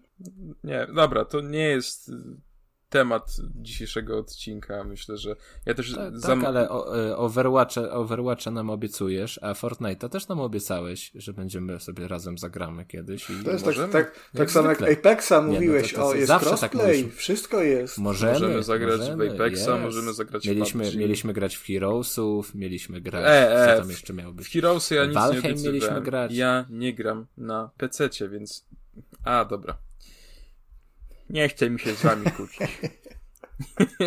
ja wiecie jak to... Zamknij mordę. Dobrze, natomiast y, powiedziałbym główny kąsek, ale to bym y, zaprzeczył to, co przed chwilą powiedziałem i się kłóciłem z Konradem, także, także tak nie powiem. E, zapowiedziano, troszeczkę powiedziano o Diablo. E, no już, już pora i czas zresztą. No i tutaj oddaję głos Kubie, który jest y, du dużym fanem Diablo, szczególnie właśnie drugiej części, która doczeka się odświeżonej wersji. Wiesz, no to na tym nie to w sumie sprawa dotyczyła wszystkich trzech diabełków. Pozostało poruszone i Diablo 4, czyli to, które tam nadciągnie w najbliższej przyszłości. E, było to mobilne Diablo, Immortal i było odświeżona dwójeczka. Także wszystkie trzy wszystkie trzy produkcje z Diablo w nazwie. I ja w sumie to na wszystkie trzy czekam. Myślałem, że może ta mobilna wersja mnie naprawdę nie będzie interesowała, ale, ale po tym, co tam widziałem, to jakoś tak coraz bardziej się zaczynam tym interesować i chyba koniec końców będę musiał zmienić e, telefon na coś lepszego, żeby móc sobie to sprawdzić, jeżeli będzie ja ci, taka możliwość ja, ja powiem, tutaj, że ja, tutaj w Chinach. W gry mobilne jakoś szczególnie nie gram. Wiem, że Konrad sprawdza te, te wszystkie gry, bo, bo tam na swoim blogu pisał o, o tych grach Nintendo, e, jakieś tam Mario Karty e, smartfonowe. Ja się tym nie jaram. Ja na telefonie gram właściwie jedynie w Pokémon Go. Wydaje mi się, wow, że... to jeszcze żyje? Żyje, pewnie. Ma się, ma się lepiej niż kiedykolwiek, uwierz mi. Tam jest Wiesz, to wcale nie był taki fenomen Kacper to Pokémon Go. To miało nie no. taką chwilkę swoje. Ale dobra, kurde. O... Ja, ja od trzech lat po... nic o tej grze nie Pokemon słyszałem. Go, Pokémon od... Go to był inny temat, bo e, Pokémon Go to ludzie umierali przez tą grę i w TVP mówili, że, no, że ludzie umierają, że trespasują i do nich strzelają Oj, Amerykanie. Wyszło, wyszło, wyszło, jakim człowiekiem jesteś. Wyszło, jakim człowiekiem jesteś. W TVP mówili... Wiesz, to tak, to tak brzmi jak co, co druga polska babcia gdzieś na prowincji. W TVP mówili... A ten Rachoj to tam mówił, on to taki dobry chłopak. on mówił, tam wyśmiewał, że to głupie, ja mówiłem, że, że, że to będzie takie, że to chwila, nie słuchały mnie. A premier taki przystojny w garniturze. Dobry, tak pobożny, on, on taki jest właśnie yy, katolik. Dzień dobry na klatce zawsze. Taka ciekawostka, e, tutaj tak troszeczkę prywata poleci. Jak właśnie e, był ten dzień strajków, e, media bez wyboru, to właśnie piszę do Konrada, że kurczę, tak wstałem rano, odpaliłem sobie telewizor, wszędzie czarny ekran. A on do mnie, co ty pierdolisz? Ja oglądam TVP Info i wszystko jest git. I było. No, TV, TVP miało najwyższą oglądalność ze wszystkich. tak, no, ze, ze rozgromili konkurencję po prostu, nie? To, to, to niemieckie, te, te, ta Żydokomuna z TVN-u to w ogóle nie ma co się uciekać do tego. To po, po, Polsat, Polsatan, Satan, Sat. Wiesz, Kacper, Też to jest, nie. to jest trochę tak, jak sobie tam gadamy w naszych prywatnych rozmowach i ja mówię, że może czas wracać do Polski, a ty zawsze mówisz, że chłopie, przestań, siedź tam póki możesz. A Konrad, o, jest zajebiście jest w Polsce. TVP mówili. No. Ma być teraz ten, chłopie, jak, jak ty, ty ze swoją będziecie se planowali dzitka czy coś, to teraz prezes tysiąc plus na rękę od dziecka. Od dziecka. Konrad ostatnio wysłał właśnie maila do księdza Ryzyka, ojca Ryzyka. On przedstawił się jako y, y, mężczyzna z Trójka, Trójka podcast. podcast i bo chciał się dostać na zamknięte urodziny Radia Maryja. Ja, ja w tym mailu od razu wysłałem wszystkie swoje y, informacje PESEL, dane do logowania na konto bankowe, żeby od razu sobie wszystko pobrali ile chcą. Co łaska niech pobiorą, co łaska. Otrzymasz, otrzymasz w, za, w podziękowaniach taki po prostu portret Konrada Miłosiernego z takim tam sercem, wiesz, dwa kolory i taki. Yes. Dobrze, wracajmy, wracajmy do Diablo. E, ja też nie gram na telefonie, bo w sumie tak, jeżeli chodzi o gry mobilne, to tylko miałem przygodę z Brawl Stars, chyba tak to się nazywało? Tak, tak, to też Tak, było. tak, tak. To, to troszkę więcej grałem. Mm, ale to w, też w czasie pandemii jakoś tak po prostu jak się budziłem rano, nie chciało mi się jeszcze z łóżka wychodzić, to sobie po prostu grałem w to. Ale do tego Diablo może i bym był skłonny yy, zainwestować w jakiś lepszy telefon, żeby sobie to spokojnie grać. No to teraz może o tej dwójce, bo, bo, bo ty się tak jarałeś tą dwójką przed nagraniem. E, na, na tym Bliskonie e, powiedziano, że 70% mm, zawartości to będzie oryginał, a 30% i w ogóle tych 70% Blizzard w ogóle nie będzie ruszać, e, a 30% troszeczkę w tym pogrzebią. Mm, ja w dwójkę nie grałem, chociaż wiem, że nie pewnie zbesztacie, bo to jest jednak kultowa odsłona. Spoko, ja też. Razie... Wiesz, tutaj możemy wrócić do tego, co mówiłeś wcześniej odnośnie pierwszego Splatuna, że to z, ze względu na szacunek i Znaczy ja ogólnie, historię, ja ogólnie nie wiem, nie wiem skąd to boom, bo ja od trzech lat o Diablo 2 nic nie słyszałem. E, trzech lat, tak. nie rozumiem trochę e, ekscytacji. E, nie no, żarty na bok. Żarty na bok. Oczywiście e, fajnie, bo przede wszystkim warto zaznaczyć, że, że ten remaster zadebiutuje na PC-tach, ale też na PlayStation 4, 5, Xbox One, Series X i S e, i też na Switchu. E, także myślę, myślę, że sprawdzę, bo, bo tak wszyscy tą dwójeczkę zachwalają. Nie, no musisz sprawdzić. To jest właśnie, to jest tylko i wyłącznie dla graczy takich jak, jak ty z twojego pokolenia. Którzy, dla których to pierwsze Diablo, znaczy nie pierwsze Diablo, drugie Diablo oryginalne jest już po prostu za stare bo tam jest problem z rozdzielczością i, i ogólnie z, mm, z wizualną stroną tej gry, która może odstraszać, jeżeli się nie ma do tego jakiegoś e, większego sentymentu, ale to jest gra, w którą chyba no, ka każdy, kto się historią gier w jakimś stopniu interesuje, powinien zagrać. E, te screeny wyglądają e, muszę przyznać, że całkiem, całkiem kąśliwie. Mm, mimo tego, że czuć troszeczkę już ząb czasu na tym, mimo tego, że to remaster, to naprawdę wygląda to jak najbardziej znośnie i wydaje mi się, że akurat oprawa wizualna nie będzie tutaj przeszkodą. Nie no, jak sobie to porównasz do oryginału, to to wygląda no to tak, rewelacyjnie tak, tak, no to i to, to działa, działa rewelacyjnie, jeśli chodzi o tam płynność i ale przede wszystkim w przypadku Diablo najważniejsze jest to, że mechanika się praktycznie w ogóle nie zestarzała, bo no, umówmy się, nie miało, nie miało co się, co się zestarzyć, bo to dość, dość, dość prosta gra. ale y, w zeszłym roku odświeżałem sobie jedynkę, czy odświeżałem. No w sumie odświeżałem, bo tam kiedyś za dziecka grałem na PlayStation 1 jeszcze, y, ale w końcu postanowiłem ją, ją przenieść wraz z dodatkiem Hellfire i yy, pomimo, że ta gra no to już straszy pikselem wielkości yy, pięści na ekranie, no to jednak pod względem mechaniki ona naprawdę dalej wciąga. A trzeba tu zaznaczyć, że pierwsze Diablo no nie jest tak doszlifowane, ponoć, bo w dwójkę nie grałem, jak właśnie Diablo 2, więc, więc zakładam, że pod tym względem dwójeczka y, tym bardziej będzie robiła robotę. Bo to chyba jest troszkę tak, że y, jako tego prekursora gatunku się uznaje Diablo 2 mimo wszystko. Y, wiadomo, że to pierwsze Diablo było pierwsze, y, bo tak, tak, ale Wię... Dwójka miała więcej tych elementów, które teraz są w każdym hack and slashu praktycznie, z, z, którego każda gra obecnie czerpie. I wydaje mi się, że to tego dwójka jest uznana za tego um, tą, tą, tą, tą pierwszą część, jeśli chodzi o, o gatunek. Trochę chaotycznie to brzmi, ale chyba wie, wiecie o co mi chodzi. Rozumiem. Mhm. Natomiast.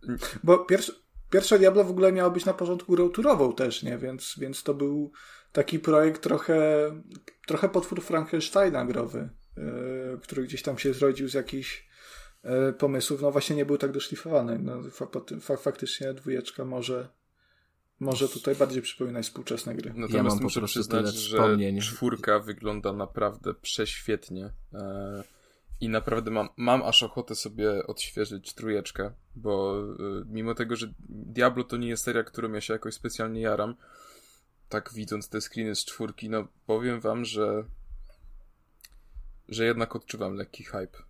Dla mnie cała seria Diablo to jest po prostu kupa, kupa wspomnień. Każda, każda część gry, nawet ta trójka na premierę, która była no, przyjęta tak jak była przyjęta, że po prostu e, pierwszy dzień był spoko, a drugiego i trzeciego dnia zaczęły wychodzić wszystkie trupy z szafy, co tam nie działało. Trupy, tam chyba był problem, jak, jak, jaki to był? Error 37 bodajże? O, to nic takiego, to, takiego nic nie kojarzę. Ja no, tam największą by, dramą... było o tym głośno, ale no... To, to, to słynne było, bo ludzie nie mogli się w ogóle zalogować do, do swojego konta na, w Diablo 3 i w ogóle zagrać w dzień premiery. A widzisz, ja bo... grałem na, na premierę i nie miałem takich, takich problemów po prostu, a jeszcze już następne wspomnienie wjeżdża, mógłbym was tu anegdotkami zasypywać przez najbliższe kilka godzin, że to chyba był e, pierwszy, pierwszą kasę, jaką zarobiłem, to właśnie na Diablo 3. Że gdzieś w okolicach pierwszego, tego drugiego dnia od premiery udało mi się sprzedać trochę, trochę y, golda na Allegro. Y, nie golda, tylko czasu poświęconego na zdobycie golda, przepraszam.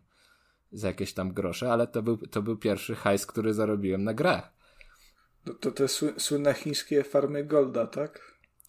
Y, znaczy, to chyba było WoWa to, to też swojego czasu to więźniowie byli po prostu do tego. Co? No, w więzieniach. Więźniowie byli zmuszani do tego, żeby farmić golda i, i sprzedawany był później. To jakoś tak, coś, coś mi się tak kojarzy, że kiedyś była taka, taka historia. Kur, kurde, to dobry deal. Ja bym wolał w Diablo, czy tam WoWa farmić golda, niż na przykład kamienie w kamieniołomie rozłupywać w jakimś gułagu. o, wiesz, yy, ale taką dramą z Diablo trzecim, y, które mi się kojarzy, to było to, że oni coś strasznie przykombinowali przy tym sklepie aukcyjnym. Że gdzieś blokowali jakieś y, te najlepsze przedmioty i sami od, od siebie dodawali. Y, Blizzard generował te przedmioty i wrzucał na, na te aukcje. Coś tam była taka duża drama, ale już nie pamiętam dokładnie o co tam chodziło. Ale ten, ten sklep szybko został taki za, za, wirtu, za prawdziwe pieniądze on szybko został jakoś zamknięty i został tylko ten za wirtualną kasę.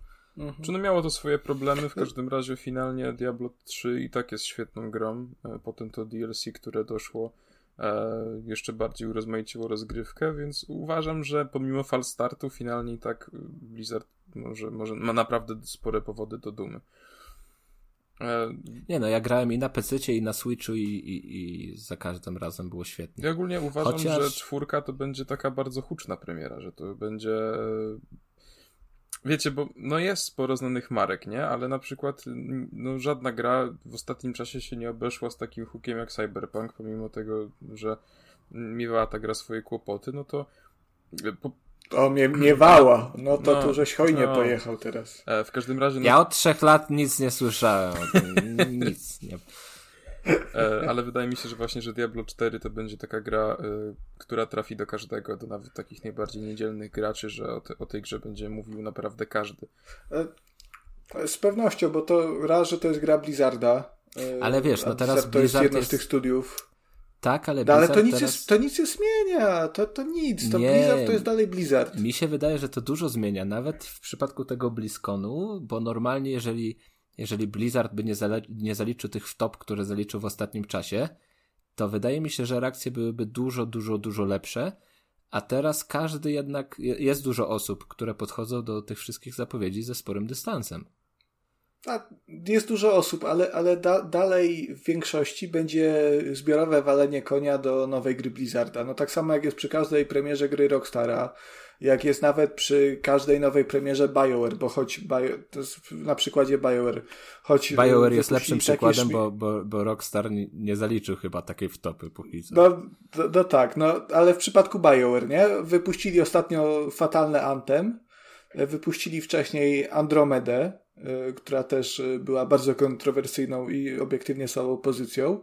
No ale i tak, no już, już tu jest y, jaranie się, bo zaraz wychodzi Y, zbiorowy y, remaster trylogii Mass Effecta, potem tu ma wyjść nowy Dragon Age, ma wyjść y, nowy Mass Effect i, i tak jak w zasadzie od chyba 2011 roku, kiedy wyszedł trzeci Mass Effect, słyszy się cały czas narzekanie, że trzeci Mass Effect miał, był do dupy zakończeniem trylogii, że Dragon Age Inkwizycja to było singlowe MMO, że Andromeda to Gunwo i w ogóle to żaden Mass Effect i cały czas słychać narzekania, to i tak jak BioWare coś zapowiada, to jest y, zachwyt nad tym. I mam wrażenie, że tak samo jest z Blizzardem właśnie. I, I, są w branży growej takie firmy, które wyrobiły sobie już taką markę, że, że cokolwiek by nie zrobiły złego, jakkolwiek by nie wyruchały graczy y, kiepskim y, remasterem Warcrafta 3, albo jak bardzo by nie popierały Chin w przypadku Hongkongu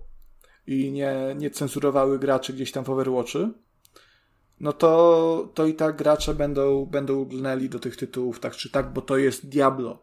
I, i trzeba pamiętać, że Diablo, tak samo jak, jak GTA, jak, jak Call of Duty, to nie są już, to są gry, które wykraczają poza naszą bańkę. To są y, produkcje, które osoby spoza E, tego świata gier rozpoznają, bo, bo to są po prostu gry głośne, więc, więc e, pan Maciek spod e, trójki gdzieś tam mieszkający w Opolu, spod trójki na podcast? Gra mniej, na przykład też, choć na co dzień się nie interesuje grami, to jak usłyszy w, tele, w telewizorze, że ono wychodzi nowe Diablo, no to pewnie pójdzie do sklepu, kupi sobie na, na komputer, czy tam może ma tą konsolę gdzieś tam do FIFA, yy, ewentualnego Call of Duty, yy, kupi sobie to Diablo i będzie grał, no bo gra, pamięta jak 20 lat temu zagrywał się w Diablo 2. No, no i to jest ta siła wspomnień, nostalgii no, i przywiązania tak, do marki. Tak, tak, tu się zgadzam z tobą, no ale jest teraz, jest coraz więcej tych, wydaje mi się, świadomych graczy, którzy mm, no, nie nazywajmy ich jakimiś frikami, którzy się szerzej interesują branżą i tak dalej, no i, no i wiedzą, co Blizzard w ostatnim czasie odwalił. Także ta grupa graczy to może bardziej czeka na te gry Blizzarda, nawet z tą ekscytacją, ale taką bardziej nadzieją, że może teraz będzie lepiej, że teraz będzie tak, jak powinno być. No tylko, no tak, i tutaj też trzeba wyodrębnić drugą grupę graczy, która słyszała o tym, co Blizzard od Janie Pawla, a która ma to po prostu w dupie.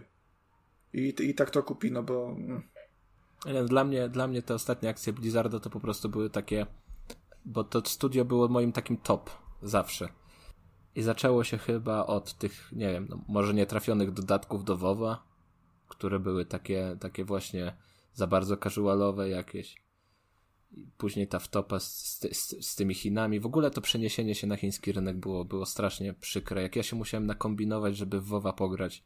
Nie wiem, czy już wam kiedyś opowiadałem nie, nie, nie, nie jeszcze nie. Nie, to zostawmy sobie na, na, na lepszą okazję, ale no nie było lekko. Te, te wszystkie gry Blizzarda są na, na chińskim rynku, one po prostu wyglądają trochę inaczej i troszkę inaczej to wszystko działa.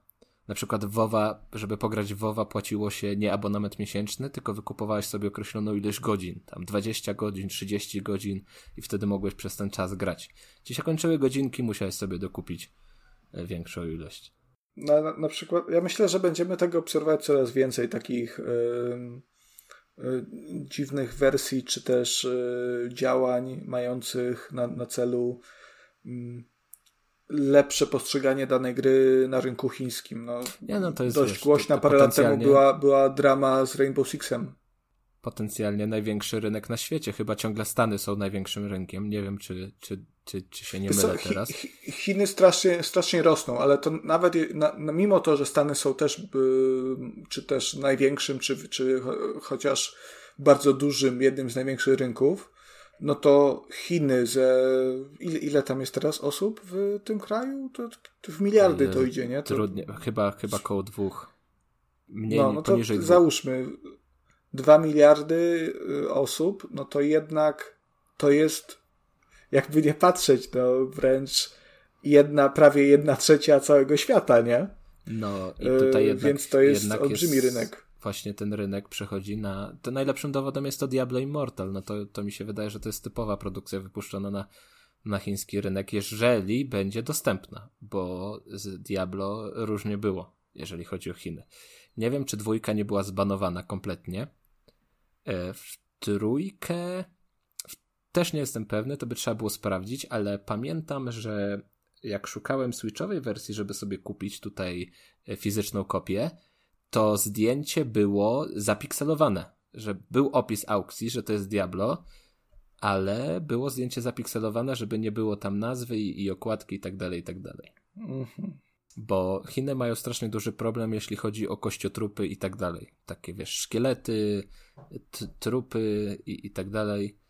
Mm, na, na, starają się to banować, stąd też był problem z tym drugim, drugim to był drugim dodatkiem chyba do, do WoWa. Nie pamiętam nazwy, to sobie coś trzeba było. Coś tam Lich King. Tak. Y, Wrath of, of Lich King. Jest, chodziło o Lich Kinga i on też był zbanowany. Dobrze, no w każdym no. razie no. to, to na temat blisko, no to już chyba wszystko. No, to są jednak takie główne tematy. Mm, natomiast y, już takim ostatnim newsem, e, który warto przytoczyć, jest to, że e, Bandai Namco wypuściło ostatnio krótki trailer, który przedstawia nową postać, e, która zagości w Tekkenie 7. Postać przedstawiona jako premier Polski. No i na krótkim materiale mm, możemy zobaczyć właśnie polskie, polskie miasta. No i kobietę, której twarzy nie ujawniono w pełni, natomiast y, ma mocno siwe, platynowe, że tak powiem, włosy. No i bliznę pod okiem, więc y, jeśli, jeśli to nie będzie to, y, Ciri z Wiedźmina, mm, no to się naprawdę, naprawdę zdziwię. No jest opcja, że albo, albo po prostu mają gdzieś tam. Zresztą Geralt się pojawił w Soul Caliburze, więc może jest jakaś szansa, że to oficjalnie będzie Ciri że CD Projekt się dogadał też w temacie Tekena. Mm, albo, no, jakby nie było, będzie to postać naprawdę złudnie podobna do, do Ciri, co najmniej. Także całkiem ciekawa sprawa. W Metal Gear chodzi... Solid 3 była taka sytuacja na samym początku, że y, główny bohater y, przybywał do, na miejsce misji w masce takiej, w masce Raidena z MGS-a drugiego, to takiego ślicznego chłopaka właśnie też z białymi, długimi włosami i potem on tak, taki psikus był wtedy, że on, wszyscy myśleli, ojejku, to znowu Raiden, a on potem tak ściągał tą maskę i był, i był Snake już ten właściwy. I ja mam taką cichą nadzieję, że jak w tym Tekenie pojawi się Ciri, to że w pierwszych pięciu minutach gry ona zdejmie to maskę Ciri i pod nią będzie Mateusz Morawiecki. To, to by było coś. Nie, no właśnie, chciałem się zapytać, co tam w TVP mówili na ten temat, Konrad, bo ty jesteś, Ej, ale to się fajnie, no to się, to, mi się wydaje, że to przypadek jednak, że to nie było jakkolwiek sprawdzane i planowane, ale jeżeli tak by miało być, że ona faktycznie, to Ciri, Ciri jest y, premierem, premierką Polski, to by się Panią fajnie wpasowywało w to, panią premier, e, w co się, Nie, w co teraz, się teraz dzieje. Terminatywy, Kasper, jesteś mało progresywny. Bzdura, właśnie ostatnio czytałem tekst na ten temat, więc akurat premier to jest pani premier po prostu. Nie, nie ma czegoś takiego jak premierka. Gówno. Premierka.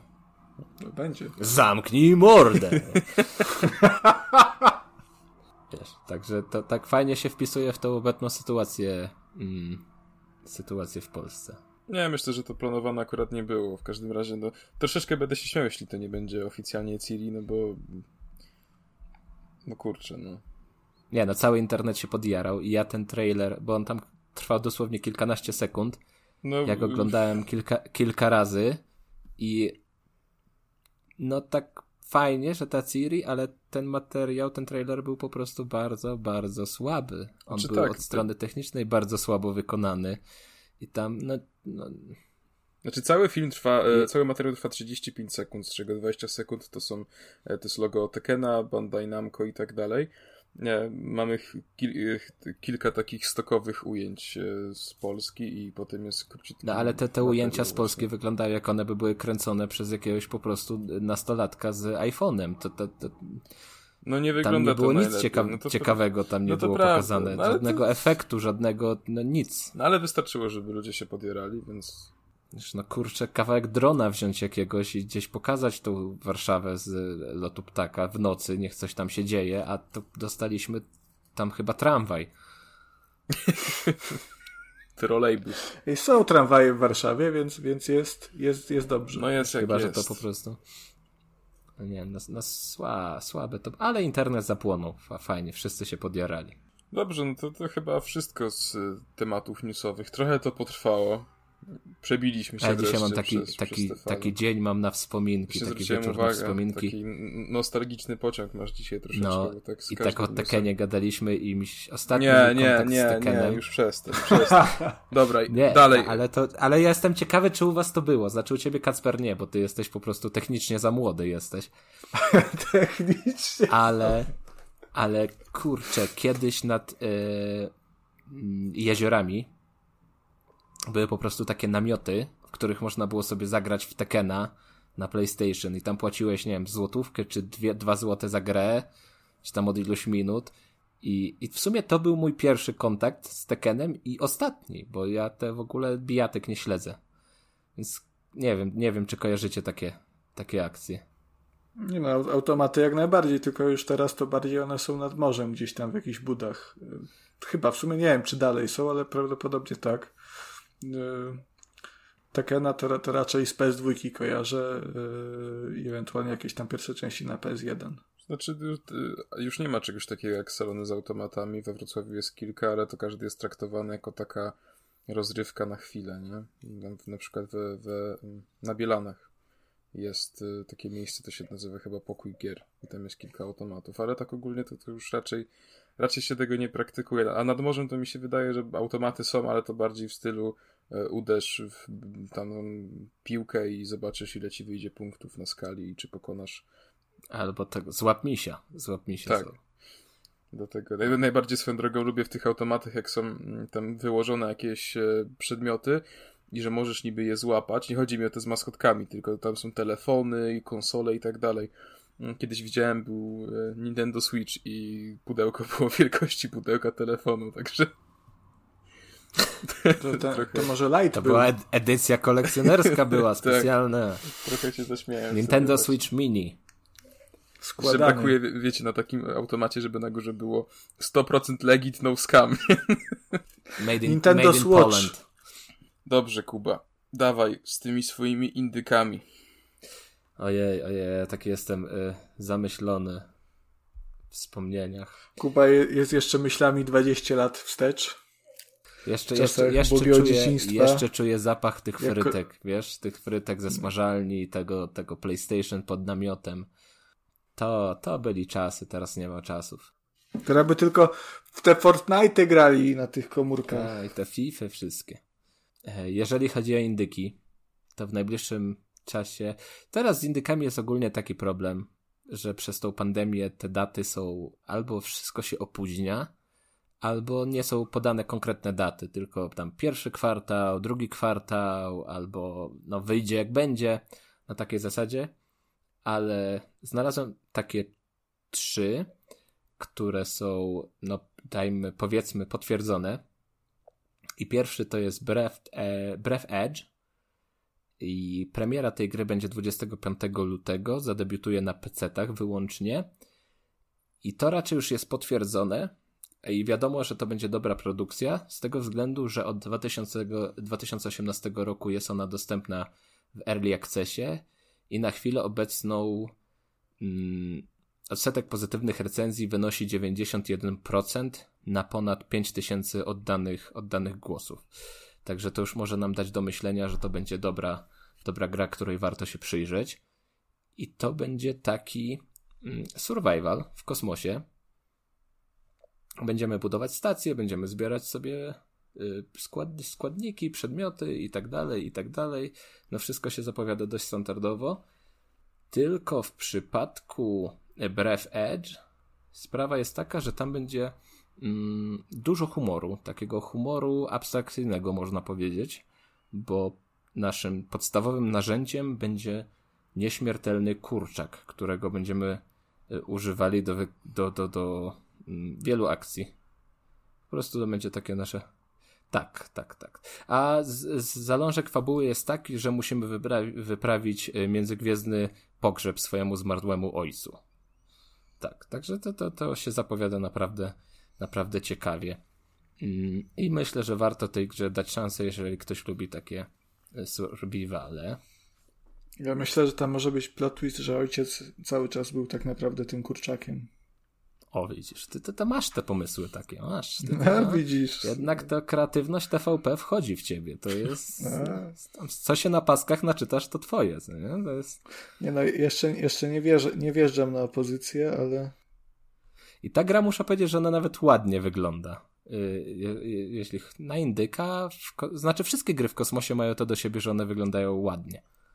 Jakoś ten, ten setting kosmosu jest dużo łatwiejszy do zrobienia Mm, więc naprawdę, naprawdę muszę powiedzieć, że, że zagrałbym w to. Swoją drogą, tak y, przez ten twój stały segment indyków y, w naszym podcaście, zwróciłem uwagę, że autentycznie żadna gra AAA nie ma tak świetnego, tak, tak świetnej fabuły z zamysłu, jak jakikolwiek indyk, nie? To ty wszystkie, jak ty opowiadasz tak zarys fabuły w tych indykach, to każdy jest po prostu tak abstrakcyjny, tak różny, i właściwie nie zdawałem sobie z tego wcześniej sprawy, ale nawet takie najbliższe memu sercu, Super Meat Boy, to jesteś mięsnym chłopakiem i e, ratujesz kogoś tam z objęć małego robaczka, który siedzi w takim szklanym pojemniku, który imituje ciało.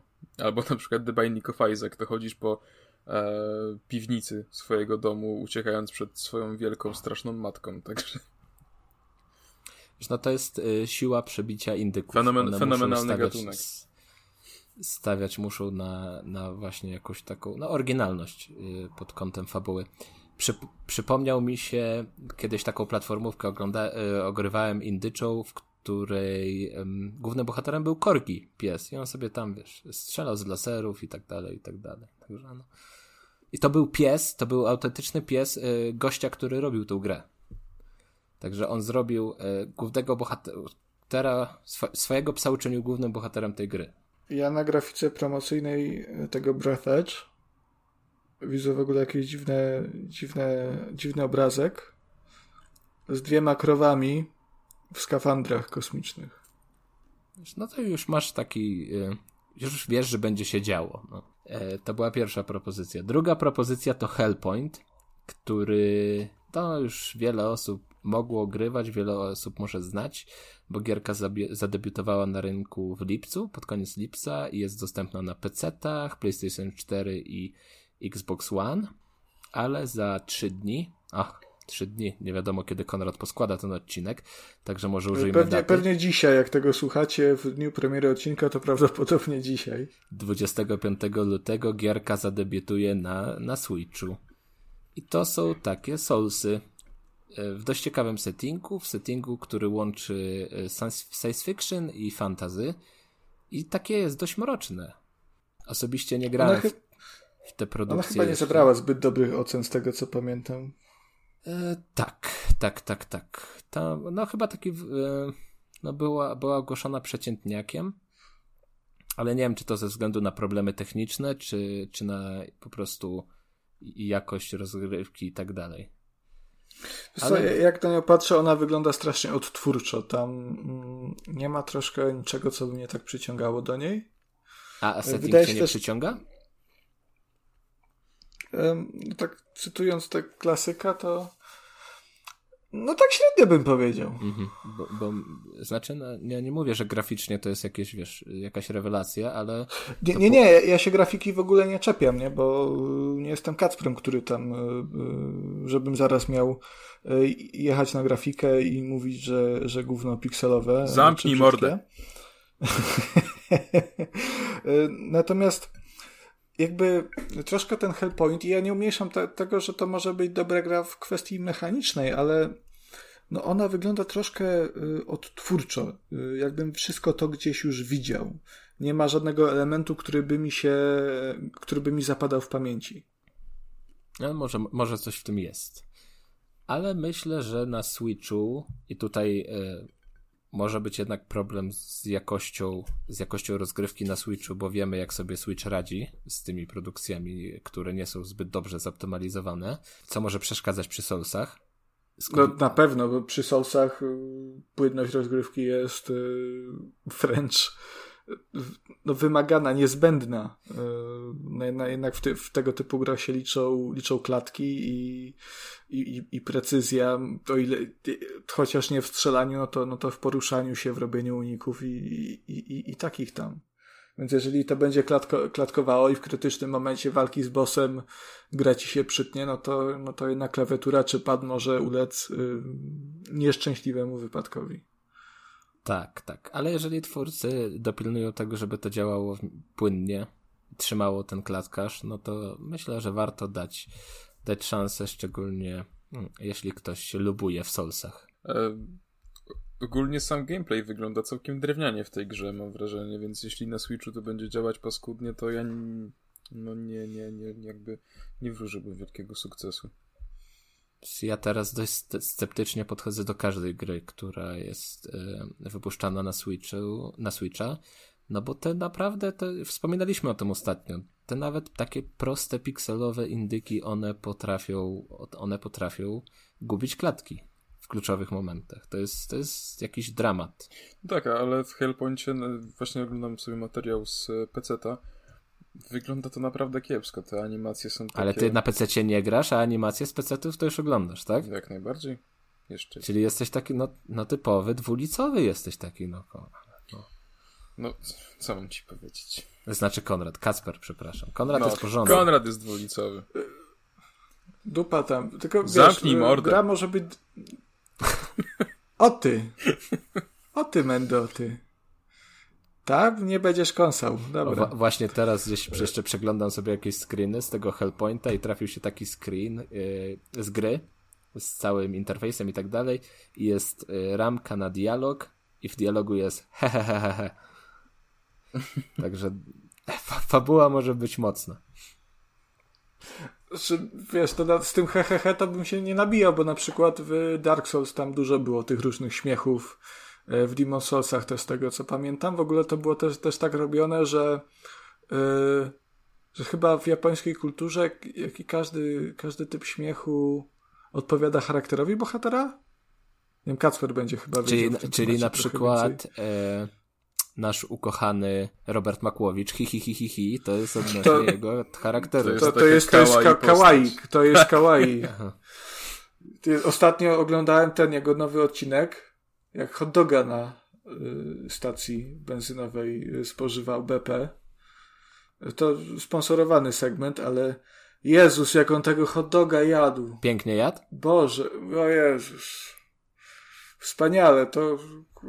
Czy to był tak najlepiej zjedzony hot dog w historii Polski? Najbardziej zmysłowo zjedzony hot dog w historii całego świata. A to, to czuć to... było tę miłość do kulinariów mistrza to... Makłowicza skoro tak mówisz, to może być bardzo dobre jako początek twojej przygody z cosplayem. No po prostu możesz, możesz być Robertem Makowiczem jedzącym hot doga i, i myślę, że to by poszło w świat. Ja, ja, bym, ja bym się nigdy nie odważył, żeby podrabiać mistrza Makowicza. To Wiesz, to jest świętokradztwo niestety. To tak Ty samo nawet... jak, jak z Krzysztofem Krawczykiem.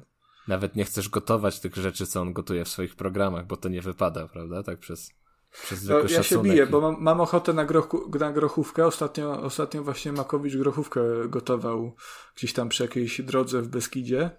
I, i, już kupiłem kilogram grochu yy, połówek, będę namaczał w nocy, ale, ale chyba będę robił innym przepisem, bo, yy, bo jednak tutaj no, no boję się, że jest bezczeszcze.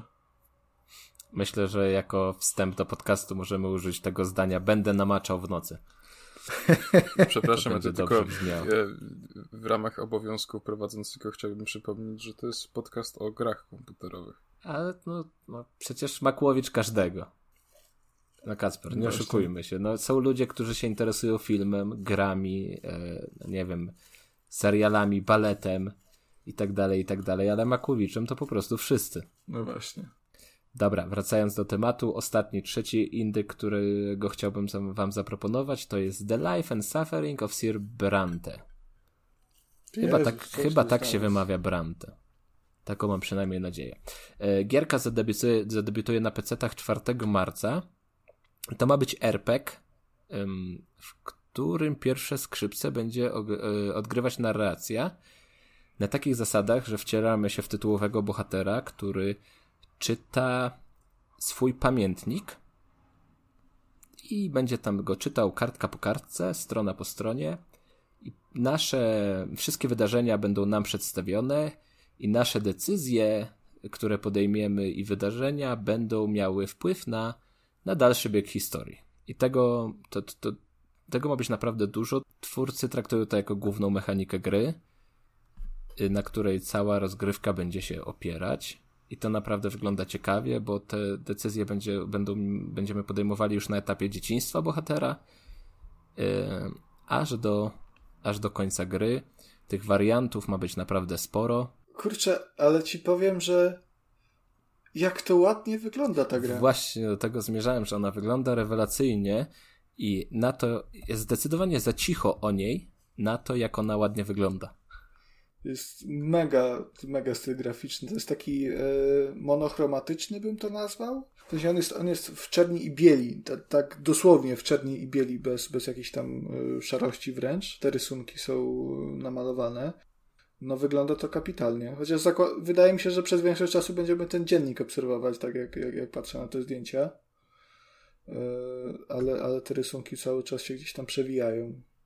S swoją drogą z ciekawostek tylko dodam, że yy, na Steamie yy, Steam podpowiada mi, że ta gra jest podobna do uruch uruchamianych przeze mnie gier i jedyną pozycją jest Sekiro. O, czyli nie będzie lekko. się podoba ten algorytm. To musisz nauczyć się parować, zanim zaczniesz grać. Ty, ale, ale czyż, bo to jest taka chyba nowela wizualna trochę, nie? Taka, taka, tak, taka, tak, taka tak przygodówka. Mi się, tak mi się wydaje. Ale tam mają być jakieś RPGowe elementy. No, będzie się tam zbierało jakieś, mm, jakieś punkty i jakieś umiejętności, które też mają mieć bezpośredni wpływ na to, co się wydarzy w trakcie gry. No, no, no mówię, no dlatego jak ktoś po tym sięgnie po Sekiro, no to trochę takie ała. Ale to wiesz, to Steam zawsze robi takie babole. No to, to pierwszą lepszą grę, jaką odpalisz, to ci zaproponuje coś całkowicie oderwanego od, od, od, od tego, co grasz. Po prostu masz raptem 5 gier na Steam i, i dlatego tak to wygląda. To, nie no, nie mieszkam w Chinach, no nie mam tylko 5 gier. Nie, ale jeżeli chodzi o The Life and Suffering of Sir Brand, to naprawdę to jest mm, zdecydowanie za cicho jest o tej grze. Dobrze, ja bym teraz troszeczkę przyspieszę, ale już sam, sam się nie mogę doczekać, bo bardzo bym chciał usłyszeć o Little Nightmares 2, w które przyjemność miał zagrać Konrad i, i szczerze powiem, że oglądając troszeczkę materiałów z tej gry, e, zauważam, że ta gra może sprawiać wrażenie takiej produkcji dla dzieci, ale w istocie totalnie taką nie jest i chciałbym przede wszystkim się dowiedzieć, Konrad, czy e, ona faktycznie straszy dwie rzeczy. E, po pierwsze, czy miałem przyjemność grać w tę grę? No, to, to jest kwestia dyskusyjna, czy miałem przyjemność. Dwa, jeżeli ktoś patrząc na tę grę stwierdzi, że to jest gra przeznaczona dla dzieci, to ja myślę, że powinno się takiej osobie odebrać prawa rodzicielskie. E, bo ta gra na pierwszy rzut oka y, insynuuje, że... O, patrz Kuba, znowu się mądrzy. Że to znowu, nie jest, znowu to nie jest gra fakt, dla dzieci. musi przytykać, No. nie? Ale to są małe koszmarki. To są takie malutkie koszmarki, Konrad. To nie są Nawet prawdziwe. No Dwa. tak, to, to są... To, owszem, to są malutkie koszmarki, yy, bo to nie jest gra, to nie jest horror yy, w stylu yy, takich yy, pierdół jak Five Nights at Freddy's, gdzie ci nagle morda straszna wyskakuje na ekran i ryczy i ty masz przez to zrobić portki. Mm, To jest taki bardziej, powiedziałbym, subtelny horror, właśnie w stylu recenzowanego w ostatnim odcinku The Medium. I e, ta gra straszy bardziej atmosferą, bardziej projektem lokacji oraz postaci niż, niż, niż właśnie jakimiś takimi elementami szokującymi. Jak nie trudno zauważyć, to jest kontynuacja, to jest część druga. E, Część pierwsza spotkała się e, z bardzo, z bardzo pozytywnymi ocenami i ona też miała takie. Ona też również była świetna pod względem projektu różnych e, różnych postaci. E, Przede wszystkim ta, ta, ta dziewczynka, ona się nazywa Six. E, W tym żółtym kapturku ona e, no, stała się takim symbolem w sumie tej gry i, i, i świetnie zapadała w pamięć. Ona pojawia się też w sequelu, natomiast nie jest główną bohaterką, tylko postacią towarzyszącą głównego, głównemu bohaterowi, e, którym tutaj jest Mono. To jest chłopiec w takiej papierowej torbie, chociaż te czapeczki też można zmieniać. I cała gra jest u podstaw platformówką 2,5D, y, z tym, że to nie jest y, szybka platformówka pokroju Super Meat Boya, a raczej coś w stylu Inside albo Limbo. To jest takie bardziej filmowe przeżycie stawiające na atmosferę i, i y, doświadczenie.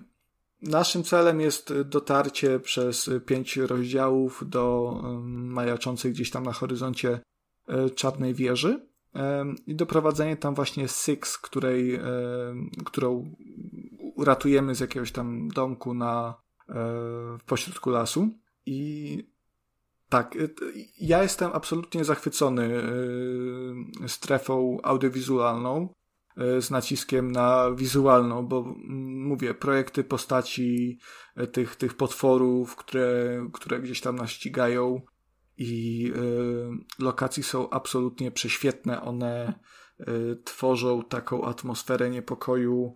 Y, no, autentycznie przechadzając się po tych, po tych miejscówkach, mm, troszkę mm, obawiamy się tego, co na nas mo- może zaraz wyskoczyć, y, co może się pojawić i, i, i one są, ja bym to określił, że te, te, te widoki, te, te, ci bohaterowie Little Nightmares 2, oni są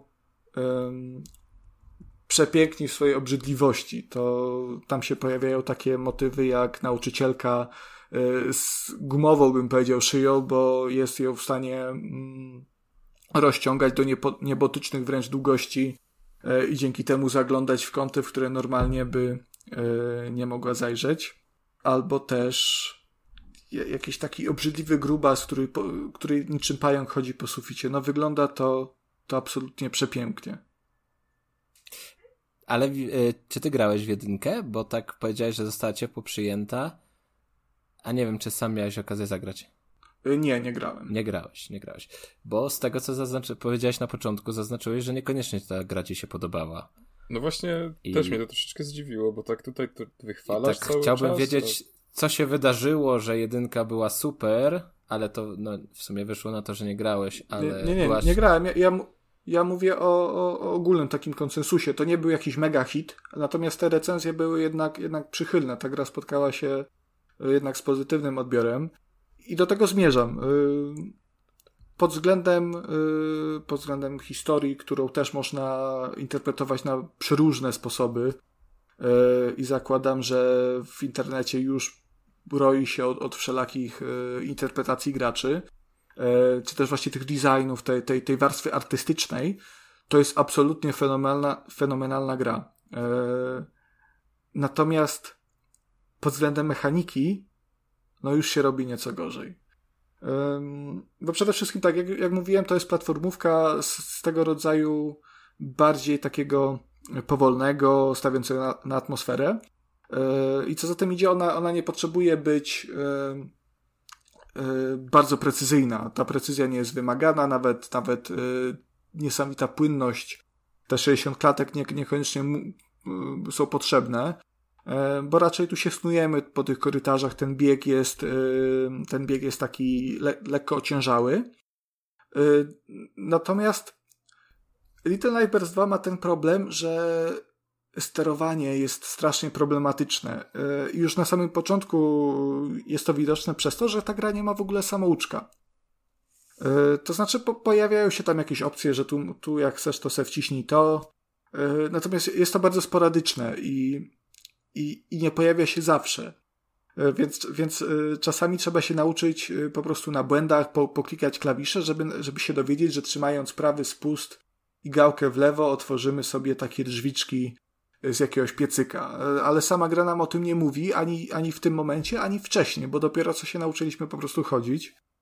E, więc chociaż e, bardziej doświadczeni gracze jak ja, Kuba czy Kacper, czy prawdopodobnie ja jestem Kacprem, Kacprem to przesadziłeś jednak. Zamknij mordę. No nie, no tam, tam, tam ten Overwatch go coś tam nauczył. E, no ale w przypadku takich bardziej casual, casualowych graczy, po, którzy mogą po ten tytuł sięgnąć, bo on nie jest wymagający pod względem poziomu trudności jakoś bardzo, a jest interesujący graficznie, no to może to, to, to być taka, taki, strasz, taki zgrzyt na początku. Yy, potem nie robi się lepiej, bo jako, że ta gra jest platformówką 2,5D, to poza poruszaniem się w lewo i w prawo, możemy też udać się trochę w głąb i trochę w przód e, e, e, ekranu, mapy, co podczas takiej sekwencji, gdzie po prostu Czyli są takie trzy plany, tak? Tak jakby akcja rozgrywa się na trzech planach. pierwszym planie, tym drugim, środkowym, głównym i trzecim.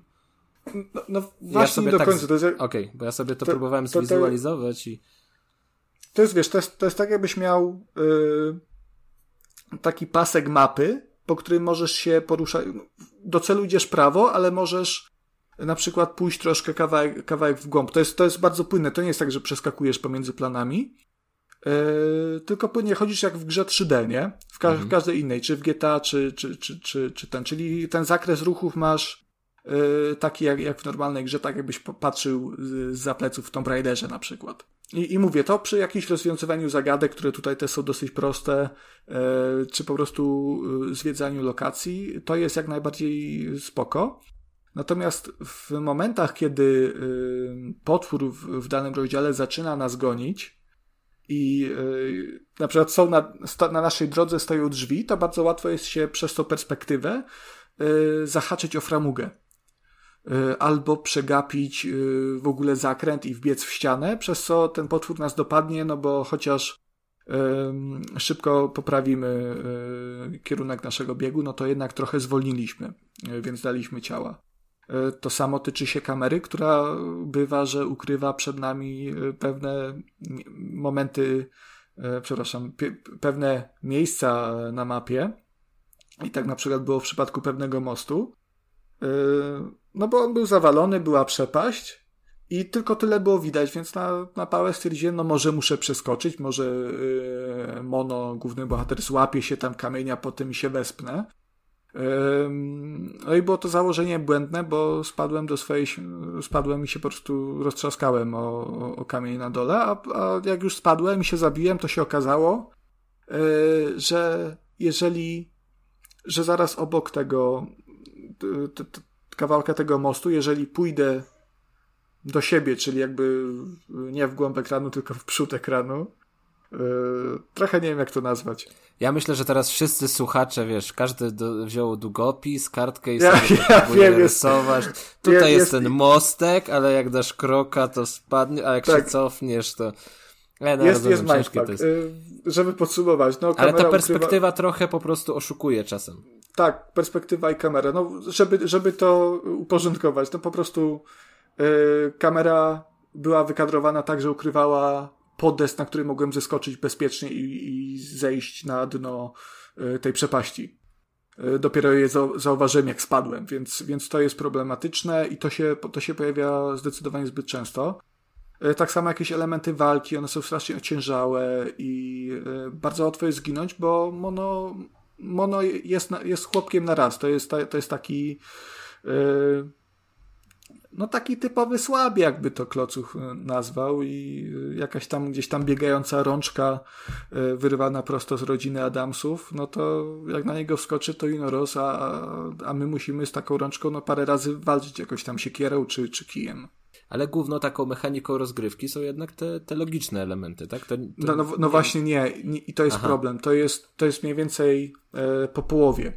I y, to jest świetnie zbalansowane, bo y, nigdy nie jest tak, że na przykład jakaś walka, czy, czy unikanie wzroku przeciwnika, uciekanie przed nim y, dzieje się zbyt długo. To nie jest tak, że, że, że to cię zdąży zmęczyć, zdąży cię zdenerwować.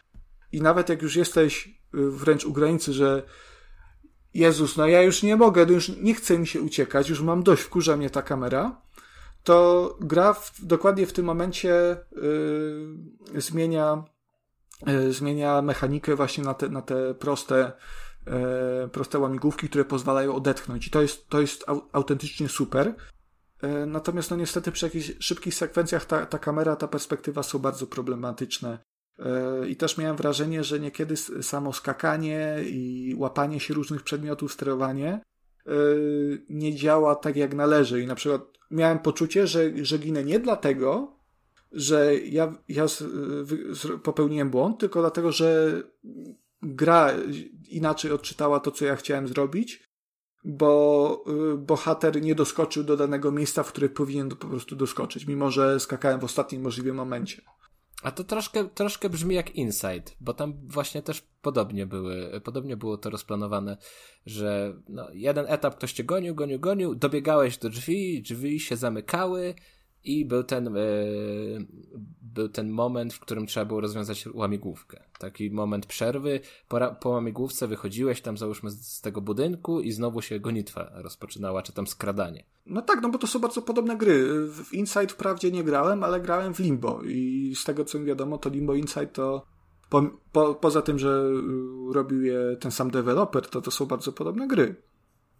Yy, więc no Little, Little Nightmares pod tym względem jest super, natomiast wszystkie te problemy, takie mechaniczne, te y, niedociągnięcia sprawiają, że jednak to moje wrażenie z y, samej rozgrywki ucierpiało i no bawiłem się zdecydowanie gorzej niż mogłem. I chociaż no dobra, ale się... jeżeli jest, jeżeli jest taki moment, w którym przegrasz, bo ta perspektywa, bo ta kamera gdzieś cię oszuka i, i przegrasz z jej winy, no to jak, jak dużo etapu musisz powtórzyć, jak bardzo to jest frustrujące? Mm, różnie. To jest naprawdę różnie. Czasami to wystarczy, to jest e, dosłownie trzeba przejść przez drzwi, e, ale innym razem trzeba wykonać całą sekwencję, która sama w sobie jest, jest, jest troszkę bardziej wymagająca. Na przykład w jednym e, poziomie ze szpitalem psychiatrycznym, tam trafialiśmy do takiego jakby od, oddziału z, z wyłączonym prądem, w którym y, były mane, manekiny ożywające w ciemności. Więc to taki była bardzo horrorowa y, nota i musieliśmy świecić latarką na nie. I w zasadzie cała sekwencja polegała na tym, że y, unikaliśmy tych manekinów świecąc na nie, żeby one się zatrzymały. Potem biegliśmy korytarzem, unikając wyskakujących z nas dłoni po prostu z z luk w drzwiach, jakiś tam z szyb i y, w korytarzu. I na koniec znowu musieliśmy świecić tymi latarkami po, po manekinie. I jeżeli w tym momencie zginęliśmy, to musieliśmy zaczynać to od początku. Także to jest bardzo różnie. I to, i to wkurza, bo nawet jeżeli y, cofnęło nas tylko o, o parę sekund, to jest strasznie irytujące to, że, że mono po wczytaniu się gry yy, siedzi i to brzmi jak, jak w ogóle jakiś absurd to, o czym teraz mówię. Ale, ale zanim on wstanie i jest gotowy do ruszenia dalej, no to mija parę sekund i to, to po prostu irytuje, bo chciałoby się już dalej biec. Ale nie, musi musisz poczekać. To taka krótka aż... animacja po prostu, tak? Startowa. Tak, tak, tak, tak, tak, tak. Wiesz, z horrorami jest ten problem, że jeśli jakiś etap musisz powtórzyć, to on przestaje być straszny. Tak, i, i staje się irytujący. Drugi raz to... to nie straszy. Mhm. Tak, tak, tak. Rozumiem, I, o co ci chodzi. I to jest olbrzymi problem w Little Nightmares. Yy, także mówię, sama gra, ona mi się podobała. Yy, jestem zachwycony oprawą yy, wizualną. Y, ten balans gameplayu, y, te, te, te, tych mechanik, tych bardziej dynamicznych, zręcznościowych, a tych łamigłówek jest fantastyczny. To jest naprawdę klasa sama w sobie.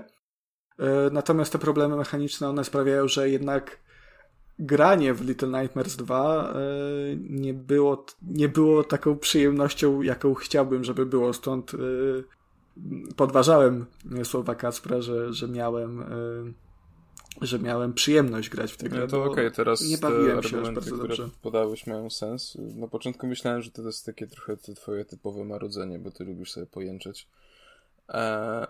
Ogólnie no mnie ta, znaczy no ja się nie wypowiem, bo, bo nie grałem, ale się wypowiem. mnie ta gra... E, no Polak, prawdziwy, no, prawdziwy pewnie. Polak.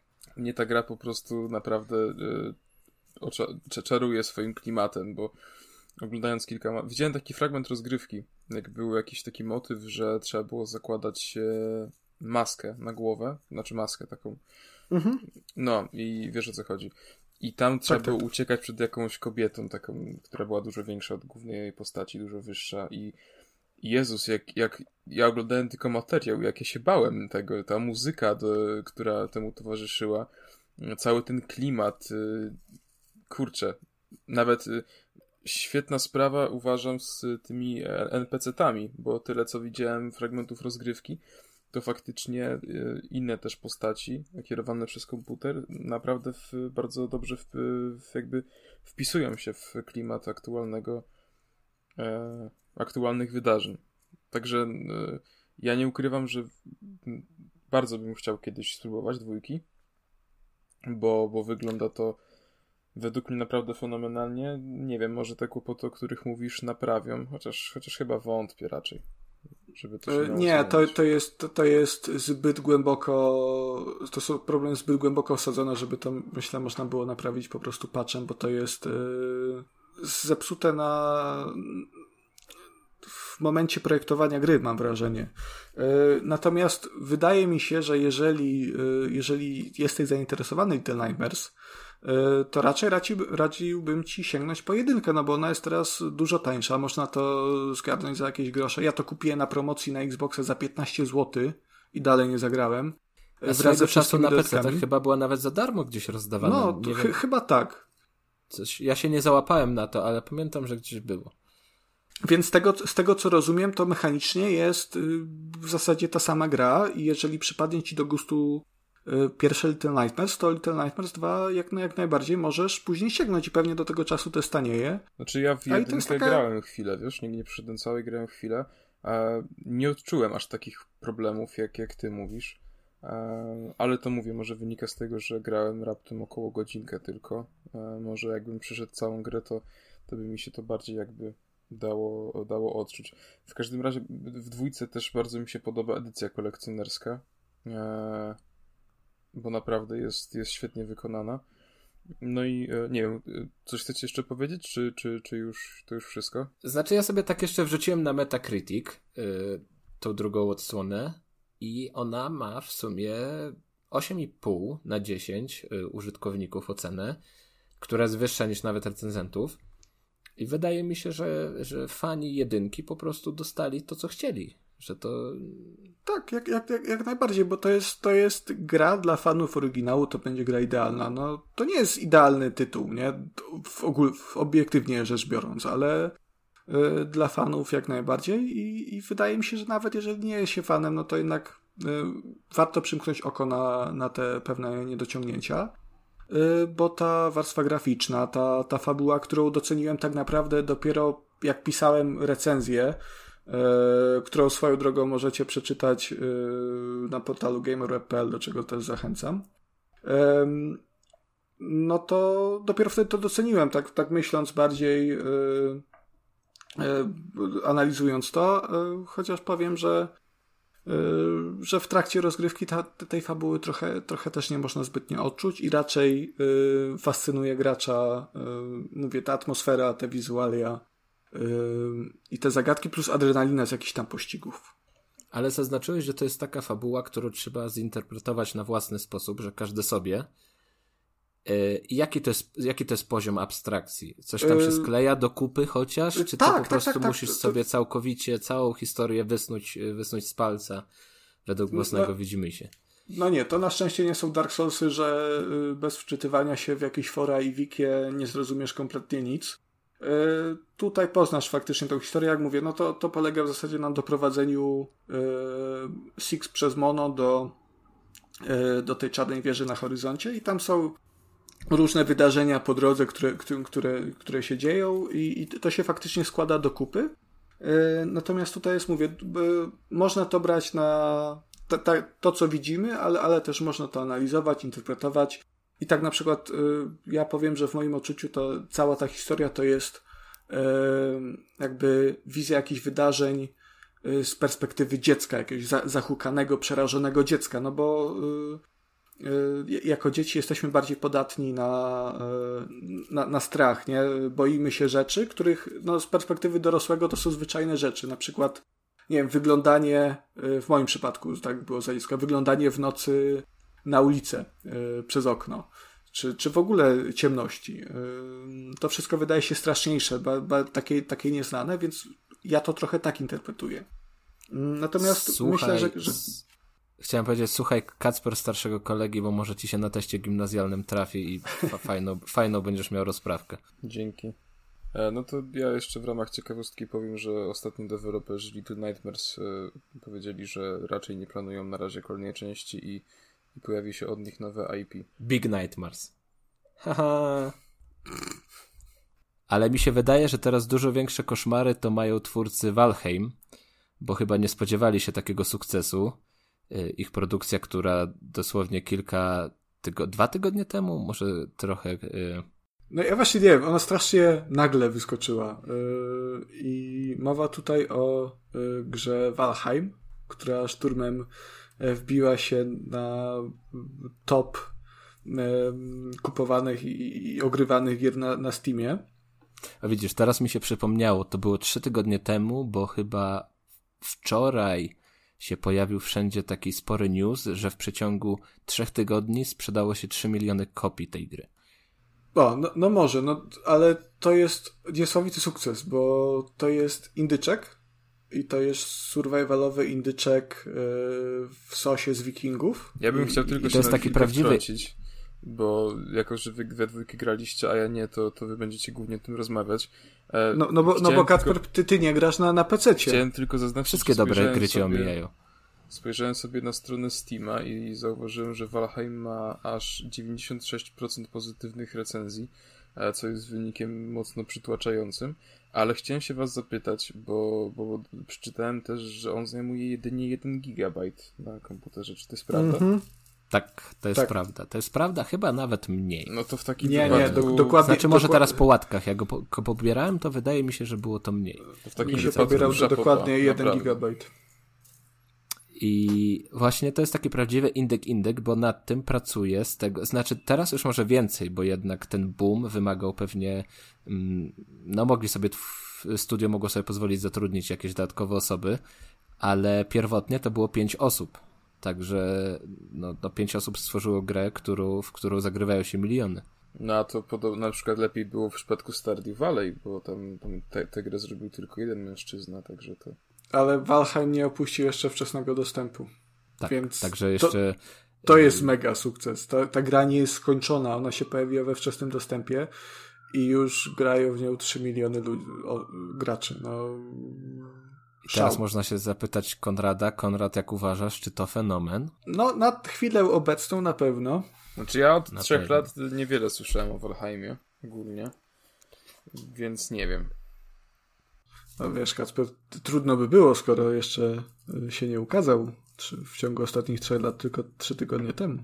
Może zaznaczmy, Dzięki że, za że mieliśmy, mieliśmy przyjemność dołączyć do tego grona 3 milionów graczy dzięki uprzejmości y, studia, które podesłało nam klucze y, do gry. I trafiło tak, że, że dostaliśmy dwa klucze, więc no, Kacper nie gra na PC-tach, Chociaż pewnie tam się chwilę zastanowił, e, mając szansę zagrać w Valheim, ale my z Konradem sobie chwilkę pograliśmy i nawet e, krótką chwilę razem. Chociaż e, tutaj łącze internetowe niekoniecznie nam pozwoliło na stabilne połączenie Chiny-Polska. No tak, no, nasza wspólna gra Valheima sprowadziła się do tego, że Kuba sprowadził mi do chałupy bandę potworów, zniszczył mi panele podłogowe, Także po czym się było... wylogował i, i uciekł i zostawił Tak, jeszcze, jeszcze zdążył dwa razy umrzeć w okolicy, także mam twoje nagrobki cały czas w ogródku. Ale Kuba, opowiedz, bo ty grałeś to więcej. Tak, grałem trochę więcej, grałem y, sam. Także to, to nie jest gra stworzona dla jednej osoby. W to się dużo lepiej gra, jak się ma ekipę. Y, to na pewno, ale zacznijmy od początku. Czyli Valheim to jest taki survival w wikingowym settingu, czyli wcielamy się po prostu w postać wikinga, mm, który próbuje sobie E, nie wiem, no prawdę mówiąc nie skupiałem się za bardzo na tym aspekcie fabularnym, który próbuje sobie utorować e, drogę do Walhali. E, tam był krótki wstęp taki fabularny do tego, że trafiamy na tą wyspę, musimy tam pokonać yy, jakichś konkretnych przeciwników, bossów i wszystko. Tak, no przyznam, że mi też to wyleciało zaraz po tym, jak na tę wyspę trafiłem bo to jeszcze zostało w takiej, no to jest jeszcze early access, więc e, ta warstwa fabularna to jest naprawdę tak, tak tylko, tylko dotknięta. Tego nie jest, nie jest dużo. To w zasadzie e, plansza z tekstem była tak, tak naprawdę, tak, więc tak, no, kawałek przy, takim z tekstem. Mhm, przy takiej e, narracji to jest ciężko utrzymać uwagę gracza niestety. Jakiś taki abstrakcyjny opis odnośnie każdego, każdego bossa, że to jest, to jest taki, taki, przeciwnik tym i tym się w tym i tym się specjalizuje. Także tego nie jest za dużo. Ale jesteśmy sobie tym wikingiem i trafiamy po prostu w samych slipach na, na wyspę no i zabawa się zaczyna jak to w każdym survivalu. Po prostu no, na początku bijemy gołymi pięściami w gałąź i wytwarzamy sobie toporek, z toporka sobie wytwarzamy pałkę, z pałki y, chatkę, z chatki kuźnię, z kuźni portale i tak dalej, i tak dalej, i tak dalej. Coraz to lepszy ekwipunek, coraz to lepszy sprzęt, silniejszy. Y, z tym, że myślę, że to jest taki fenomen, że to nie jest taki, mm, taki ciężki ten, ten survival. To nie jest taki ciężki crafting, który by wymagał od nas nie wiem, dziesiątek godzin spędzonych na, na, na farmieniu jakichś przedmiotów, żeby wybudować kolejną rzecz, którą możemy lada chwila stracić w każdym momencie, bo, bo coś się wydarzy. Tutaj w przypadku Valheim, jeśli coś wytworzymy raz, to to raczej z nami zostanie, no pod warunkiem, że zginiemy i to zginiemy dwukrotnie, że nie zdążymy za, e, e, po pierwszej porażce nie zdążymy dobiec do swojego ciała, żeby zebrać żeby zebrać te przedmioty. Tak, Jesteś jeżeli... pewien tutaj, bo wydaje mi się, że może zginąć dowolną ilość razy i te twoje rzeczy dalej zostają. Tak, to ja jestem w takiej panice, wiesz, to yy, może, może ty masz rację, Wiesz co, ja, ja, te, ja też nie, nigdy nie chcę ryzykować y, śmierci dwa razy, no, no tego mnie nauczyły solsy. Y, natomiast mówię, ja mam w ogródku dwa twoje nagrobki i z każdego y, pożyczyłem o, pewne surowce. Wychodzą fakty. Nie, no, także, tak, chodzi także o to, że, się, znaczy no. wiesz, może masz rację, ale y, y, jakoś zasugerowałem się tym, że po śmierci ten twój nagrobek zostaje i on jest oznaczony na mapie. Y, no i po każdej śmierci, kurczę, no wydaje mi się, że, że... Hmm, nie pamiętam dosłownie, nie pamiętam, czy zginąłem dwa razy. Wiecie, jak, jak wpadniesz, to ci pokażę, pokażę dwa nagrobki. Pierwszy jest tam, gdzie próbowałeś yy, zniszczyć drzewo przez laga i ci się nie udawało, a drugi jest w ogóle gdzieś tam jeszcze.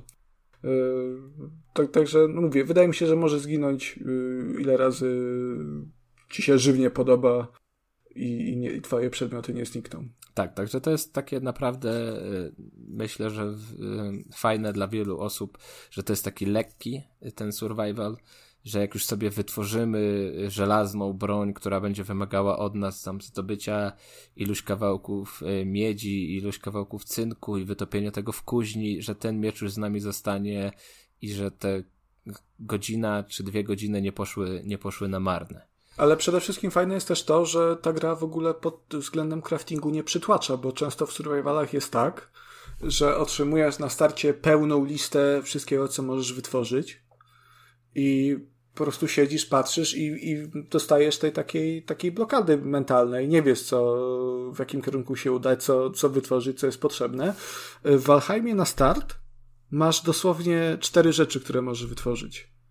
Jak tak, sobie później wytwor... jak je mhm. wytworzysz hmm? i zdobędziesz jakiś surowiec, to dostań... odblokują ci się kolejne opcje, tak? Z, tak. Y... Tak, ale to nie jest, to nie jest jakaś taka typowa mechanika dla Valheima. Czy dobrze e, myślę, bo... uważając, że jest to bardzo podobna gra do The Forest? Nie, nie grałem w The Forest, ale, ale wydaje mi się, że tak, bo The Forest też jest survivalem, nie? Już podobnie było w Windbound, które się jakoś jesienią tego roku pojawiło na rynku. To było na takiej samej zasadzie, że na początku y, nie miałeś nic w tym swoim menu craftingowym, no i tam podnosiłeś gałąź, to ci się odblokowało, co możesz z tej gałęzi zrobić. Y, podnosisz kamień, odblokowują ci się przedmioty, które możesz potencjalnie stworzyć z tego kamienia. Także to, to nie jest jakaś taka typowa świeżość, świeżość, ale to jest naprawdę, no, no to jest, to jest um, dużo przyjemniejsze niż, niż bycie przytłoczonym, tak jak zaznaczyłeś. Mhm. Y to jest taka naturalna progresja. Ta gra, mimo że ona ci nie, nie trzyma cię za rączkę, nie pokazuje ci cały czas, gdzie masz iść, może poza samym początkiem, gdzie tam możesz y, sobie podejrzeć, gdzie jest pierwszy boss, no to jednak przez to, że masz to, ten ograniczony, ograniczoną ilość rzeczy do wykraftowania i one się odblokowują z czasem, to mm, no właśnie ona cię w ten sposób nakierowuje, gdzie możesz pójść, ale robi to w taki bardzo delikatny, subtelny sposób. Tak, ale to też nie jest tak, że ta gra jest jakaś perfekcyjnie łatwa, bo to wszystko właśnie czego się uczymy, to uczymy się na własnych błędach. Mhm. I dopóki nie pójdziemy do jakiejś danej lokacji, to na, no nie wiemy, co tam będzie na nas czekać, e, jakiego rodzaju przeciwnik i jakiego rodzaju wyzwanie. Więc e, no, po prostu musimy gdzieś pójść raz, zginąć, żeby wiedzieć, co później, co później należy zrobić, jak należy się przygotować.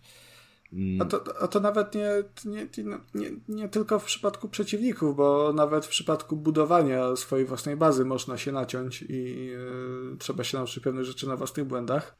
Ja się na przykład dowiedziałem, że yy, postawienie ogniska, rozpalenie ogniska wewnątrz y, swojej chaty obok łóżka to nie jest yy, dobry pomysł, y, ponieważ można się zaczadzić od dymu. Ale to do, dosłownie ci wyskoczył taki komunikat, tak, że się tak, śmierć tak, przez tak. zasadzenie? O. Y, tak, masz wtedy w chatce masę dymu, nie? Masz ograniczoną widoczność i pojawia ci się y, właśnie, właśnie ten efekt, nie? Bo, bo tam w prawym górnym rogu masz, masz te efekty, że marzniesz, że jesteś mokry, w tym złym sensie, y, czy też właśnie, że y, się za, za, zaczadzasz właśnie.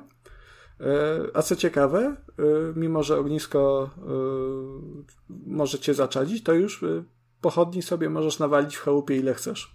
Bo pochodnie są ekologiczne. Jeśli chodzi o budowanie, to ja we wszystkich survivalach i szczególnie w tym, w tym Valheimie mam taki problem, że kurczę, znajduję sobie jakąś taką ładną miejscówkę, buduję sobie taką ładną chatkę i, i zaraz się okazuje, że, że mu potrzebuje więcej miejsca, żeby zbudować warsztat, żeby zbudować kuźnię, żeby zbudować jakąś tam e, kolejną, kolejną um, chatkę z, i, ze skrzyniami. No jest tego, jest tego sporo i muszę wykarczować wszystkie drzewa z okolicy, muszę wyrównać teren, i, I moja ładna miejscówka na razie momentalnie zamienia się w taki jakiś e, plac budowy, typowo jakiś gospodarczy. I to mnie trochę, to, to trochę mi przeszkadza, bo ten Valheim potrafi wyglądać ładnie. E, szczególnie jeżeli przychodzi do natury.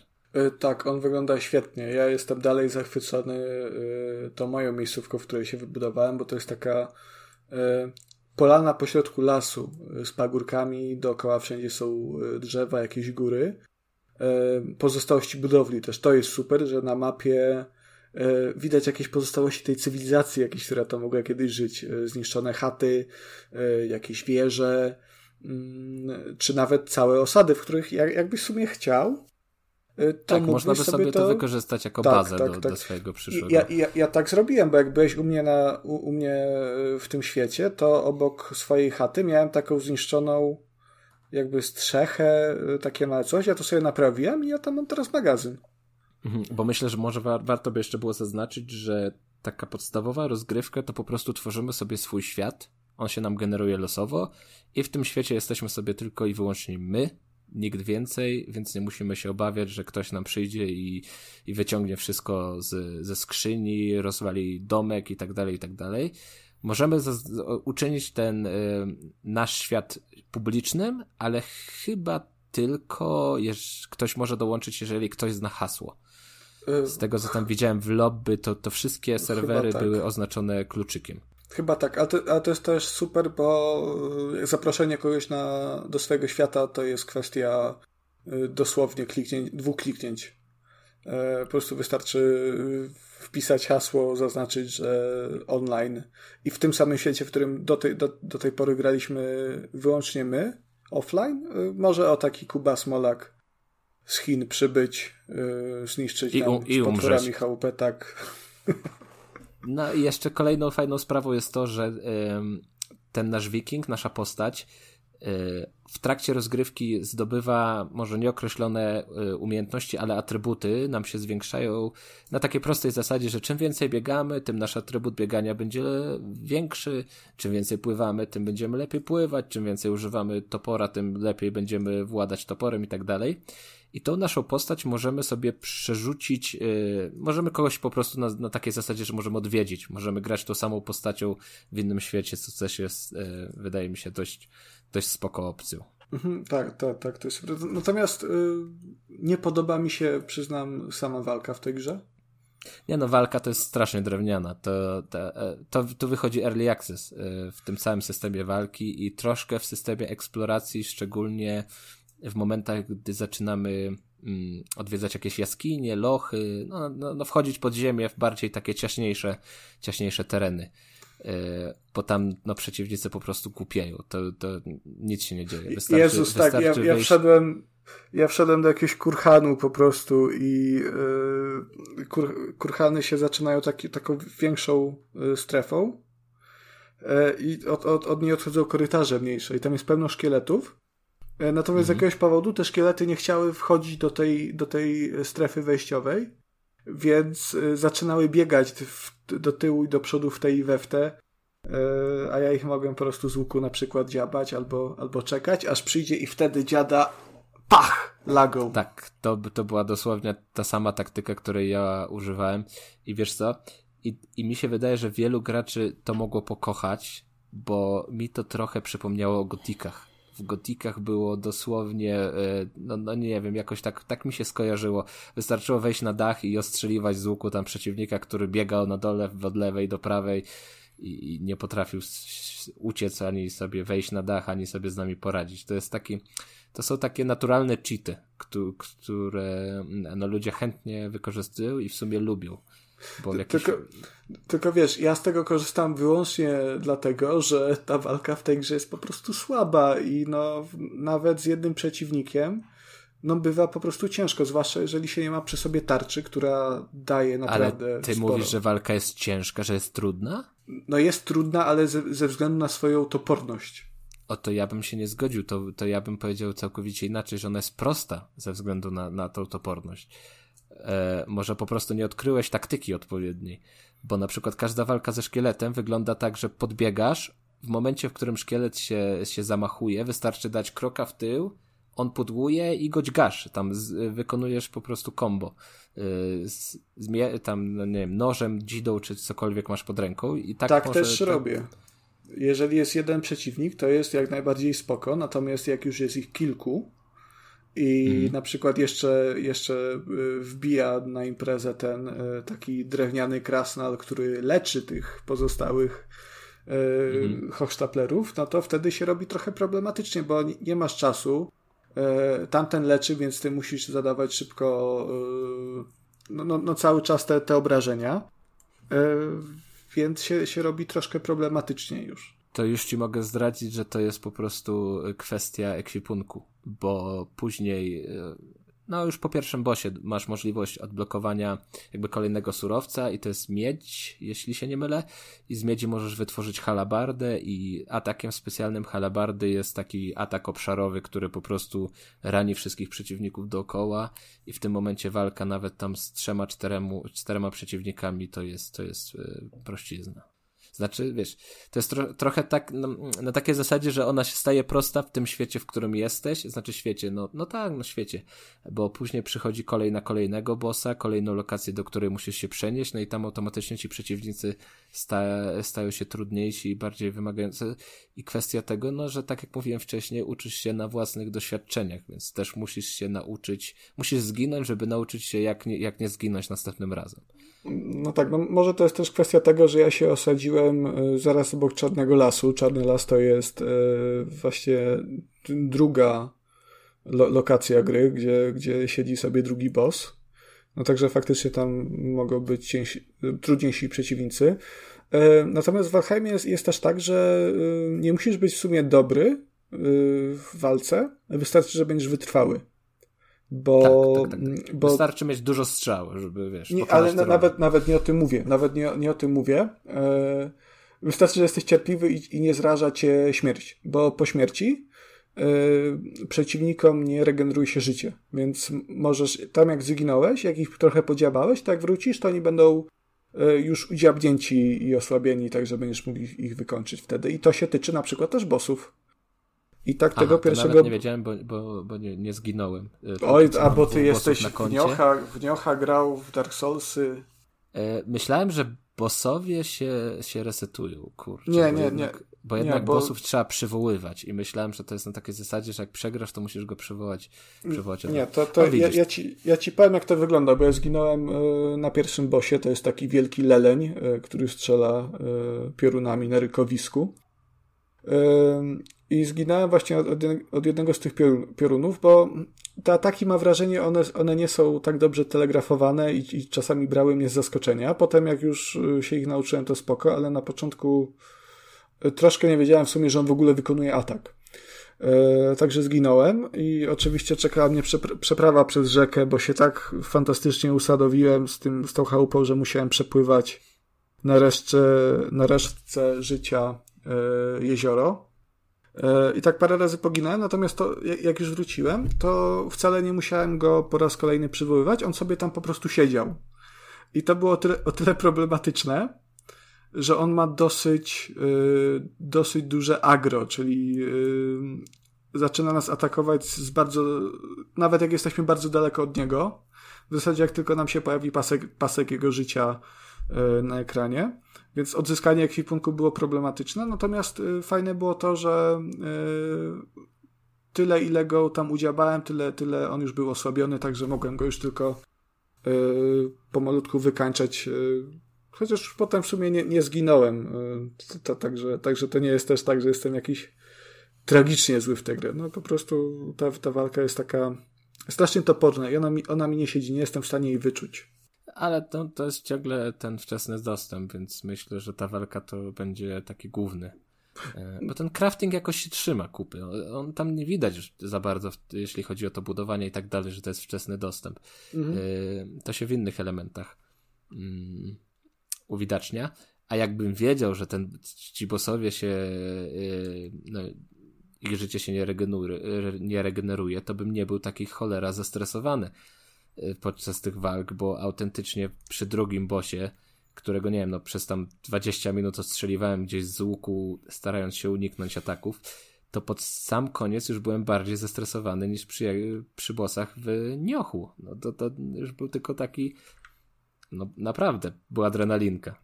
A to widzisz, to może ja ci teraz zepsułem w ogóle wrażenia z gry, bo Zeps, do tej pory... Zepsułeś mi całą grę, no. to teraz oddaj pieniądze. Do, do, te, do tej pory yy, adrenalina, yy, ka, każda, ka, każda walka, każdy, yy, każdy cios przemyślany, natomiast no, no, to, no teraz po każdej śmierci będzie po prostu, ach kurwa, znowu jedziemy.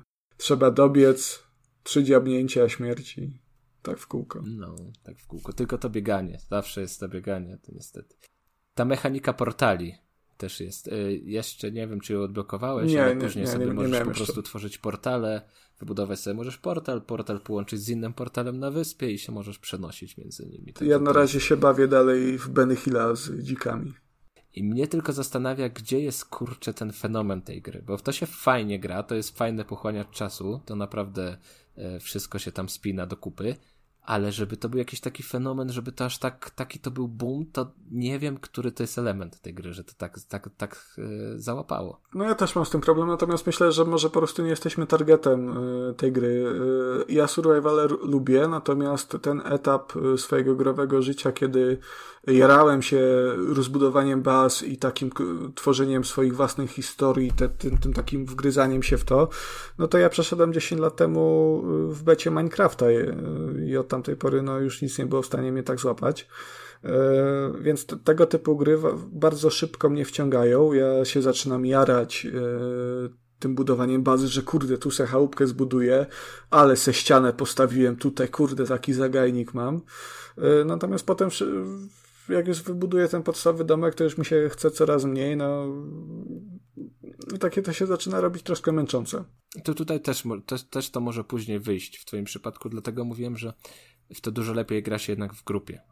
Jeżeli mm. ma się kilku znajomych i te, no nazwijmy to obowiązkami, to obowiązki można podzielić pomiędzy siebie, albo no zamiast samemu iść po gdzieś mieć na drugi koniec mapy, wydobywać ją e, przez kilkanaście minut, można pójść w grupie i wrócić z całym no jakby dobytkiem naraz, z tym wszystkim, co potrzebujemy, no to jest dużo, dużo bardziej mm, ciekawsze, przyjemniejsze się robi. Dlatego zdecydowanie polecam y, ekipom niż y, dla pojedynczego gracza. A wspomniałeś Kuba o Niochu jeszcze wcześniej i y, doszły mnie słuchy, że miałeś ostatnio okazję y, zmierzyć się i wyjść y, z tej potyczki y, starczą. Starczą, starczą. starczą tak, no mówię. Udało z, się, udało się. Z Niochem Lwa zaraz Kacper mnie zgani, szkoda, że brzydko wymawiam tytuł. Szkoda, że nie potraficie nawet wymówić tytułu tej gry. No to proszę bardzo, proszę. Oddajemy... Więc tak, przede wszystkim nie Nioch, tylko Nio. A po drugie... Nio? Jest... Eee, Nio. H jest nieme? Nio. A po drugie, a po drugie, po drugie to jest gra japońska, a dwa po japońsku to ni, więc powinno się ten tytuł wymawiać Nioni. Teraz wszyscy razem. Raz, dwa, trzy. Nioni. Zamknij mordę. Dobra, Kuba, to jak Kacper nas już nauczy wymowy, no to proszę mi tu opowiedzieć o, o Tak, Nio wa warto zaznaczyć, że przygoda Kacpra z Nio z Niochem Nioni. Kończy, kończy się wyłącznie na wymówieniu tytułu. Nieprawda, grałem w alfę pierwszej części, nie w betę, tylko w alfę.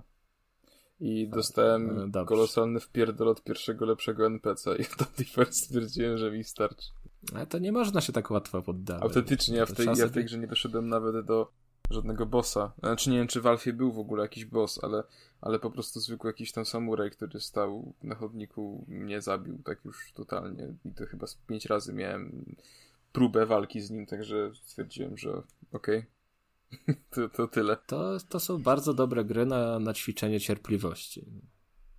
Się nie ma co denerwować i ja po prostu małymi kroczkami. Mario. O! No.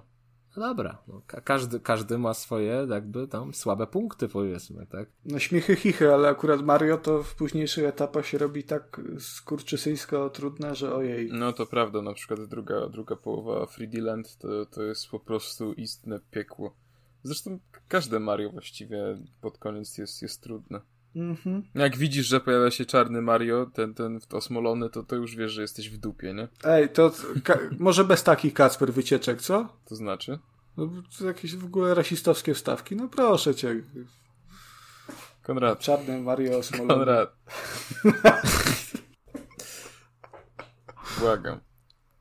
Wiesz, on, ten, on, on ten żart trzymał jeszcze zanim zaczęliśmy nakręcać, tylko czekał, tylko czekał, że gdzieś uda się dopiec na, na, na, na, na tym gruncie. Oskarżyć o rasizm, homofobię. No dobrze, ale Nio. Nio. Nio. No i no, no dwójka to już e, no, miała swoją premierę latem, tak? Pojawiła się na, na PlayStation 4. Mm, I teraz się pojawiła na PlayStation 5 i PC-tach w wersji no, tej pełnej, Complete Edition z wszystkimi DLC. I wydaje mi się, że no wszyscy chyba, kto tam e, mm, grał w jedynkę i komu się jedynka podobała, to na dwójkę czekał i, i kupił i grał, bo to jest to jest w sumie to samo, tylko więcej i lepiej. Znaczy lepiej? Nie, no lepiej. Wydaje mi się, że lepiej. W moim odczuciu lepiej przez to, że no troszkę się robi ciekawiej. Chociaż tego nie czuć, nie czuć tego jak... Yy, może jakbyś na początku zagrał w dwójkę, a później w jedynkę, to byś czuł jakieś takie braki, ale jeżeli grałeś w jedynkę, później w dwójkę, no to, to, to się tego nie odczuwa i po prostu dwójka wydaje się lepsza. Przynajmniej dla mnie. Nie wiem, jak to było w twoim wypadku. Yy, w jedynkę grałem bardzo mało. Yy, w sumie ja ją miałem z plusa, odpaliłem ją w zasadzie tylko dlatego, żeby się tak yy, troszkę bardziej przygotować merytorycznie przed recenzją drugiego Niocha, którą też, zresztą tak samo jak recenzja Kuby tego, tego tej, tej edycji kompletnej to, też możecie przeczytać na, w serwisie gamer, gamer.pl. Um, także ja się do tego chciałem merytorycznie przygotować yy, i w jedynkę chwilę pograłem, natomiast zdecydowanie więcej grałem w dwójkę. E, ale mam wrażenie, że to są y, u podstaw wręcz identyczne gry. Y, tam, tam są zmiany, y, są różnice w mechanikach, natomiast one, te, te tytuły są do siebie bardzo podobne. Nie, no to tak, bo to masz no już tam kwestia ekwipunku, y, większości umiejętności, że to, że możesz wybrać tą samą broń, która ma dosłownie te same ataki, zarówno w jedynce, jak i dwójce, no to to już jest taki po prostu no, taka kalka. Ale to jest jeszcze, mm, na tym etapie to jest przyjemna kalka. Jeżeli twórcy by to zrobili ponownie w trójce, no to podejrzewam, że to już by się nie, przy, nie przyjęło, ale na przestrzeni tych dwóch odsłoń to jeszcze jest spoko. No tak, bo to jest budowanie na, na sprawdzonym schemacie już. A pierwszy niech by przecież bardzo udaną był grą. Tak, tylko to troszkę te, tak jak no nawet to, to Little Nightmares, o którym dzisiaj gadaliśmy, to jest gra na takie, no nie wiem, dajmy na to 4 godziny? 5-6 mm, bardziej. Tak, 5-6. No to masz jedynkę, masz dwójkę, łącznie 10 godzin, czyli nawet na tym mm, na tych, w tych czasowych ramach to cię tak bardzo nie zmęczy. Mhm. W przypadku Niocha ukończenie każdej części no to jest ponad 40 wydaje mi się. No ja sporo umierałem, sporo ginąłem, sporo musiałem powtórzeń robić, więc w moim przypadku to było tak po, po koło, koło 50 godzin na, na, na część. Czyli jeżeli weźmiesz dwie części do kupy, przy czym ja je ogrywałem w dość krótkich, w krótkim odstępie czasu, bo mm, jedynkę gdzieś tak późną jesienią chyba, z początkiem zimy i teraz dwójkę niedawno, no to to jest 100 godzin bardzo, bardzo podobnej rozgrywki na przestrzeni kilku, kilku miesięcy. To nawet mogło mnie, mogło mnie trochę bardziej męczyć, ale nie było to do tego stopnia męczące, że gdzieś się tam sfrustrował i to porzucił w pewnym momencie. No tak, ale, ale tu dochodzi kwestia... Yy różnicy, różnicy między jako, ilości czasu, która upłynęła od premiery pierwszej części do, do drugiej. No to były trzy lata, z tego co pamiętam. Pierwszy Neo chyba się ukazał w 2017, o ile mnie pamięć nie myli, a, a dwójka to już jest 2020. Yy, tak? Nie. Czy 19? Nie, 20. 20, 20, tak. Te, te, tego roku. Yy, zeszłego roku teraz prze, przez tą pandemię i tak i ten lockdown to się bardzo ciężko liczy ten czas. No, to już mi się miesza wszystko, co powychodziło i, i, i ten. E, no więc wiesz, jeżeli grałeś w jedynkę na premierę, to jednak te przez te trzy lata, to po tych trzech latach dwójka nie będzie już się tak męczyła, no jak, jak tak, faktycznie. Tak, i nawet zdążyłeś zgłodnieć do tego czasu, mhm. jeżeli jedynka ci się podobała, więc to jest jeszcze na plus. To także tu Kuba, ty zawaliłeś, że, że, że nie, ale ja, ja broń Boże nie narzekam, bo mi się obie części podobały. Ja byłem bardzo zadowolony z jedynki i z dwójki. I jeżeli miałbym wskazać, e, która mi bardziej siadła, to. Hmm, chyba. Kurczę, no to jest ciężki wybór, bo jednak mam inne doświadczenia. Bo, bo z jedynki. To, że ukończyłem jedynkę, to bardzo dumny z siebie byłem i dlatego mam taki. F... E, bo nie przypuszczałem, że ukończę kiedykolwiek taki, takie, takie długie solsy, bo to nie jest mój gatunek. E, i kurczę, byłem bardzo z siebie zadowolony, że udało mi się to skończyć. A dwójka to już tak, tak, no po prostu skończyłem, bo wiedziałem, że mogę. No takiej ale, zasadzie. Ale ta, tak, jest, tak jest z solsami właśnie, że ta pierwsza gra, po którą ty sięgasz e, i którą kończysz, to jesteś po prostu siebie y, zachwycony. Po prostu jesteś mega dumny z siebie, że skończyłeś tak trudną grę. Przecież wszyscy o tym mówią, że to jest super, super trudne. I ja tak miałem właśnie na przykład z Demon's Souls, y, które były moimi pierwszymi Soulsami, które udało mi się ukończyć. I byłem mega podjarany i dumny.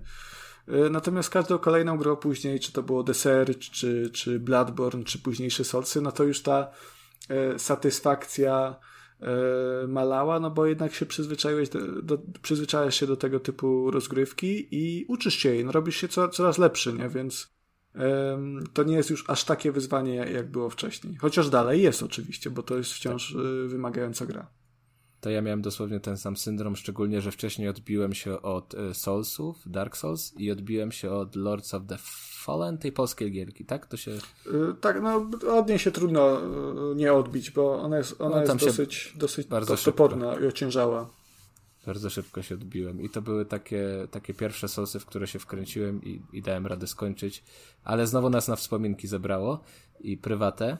Wracając do samego Nioha drugiego, to podobnie jak w przypadku pierwszej części miałem problem z warstwą fabularną i z tego co czytałem w twojej recenzji ty miałeś podobnie, że tam się tak naprawdę ciężko mhm. nadążyć za tym co się dzieje.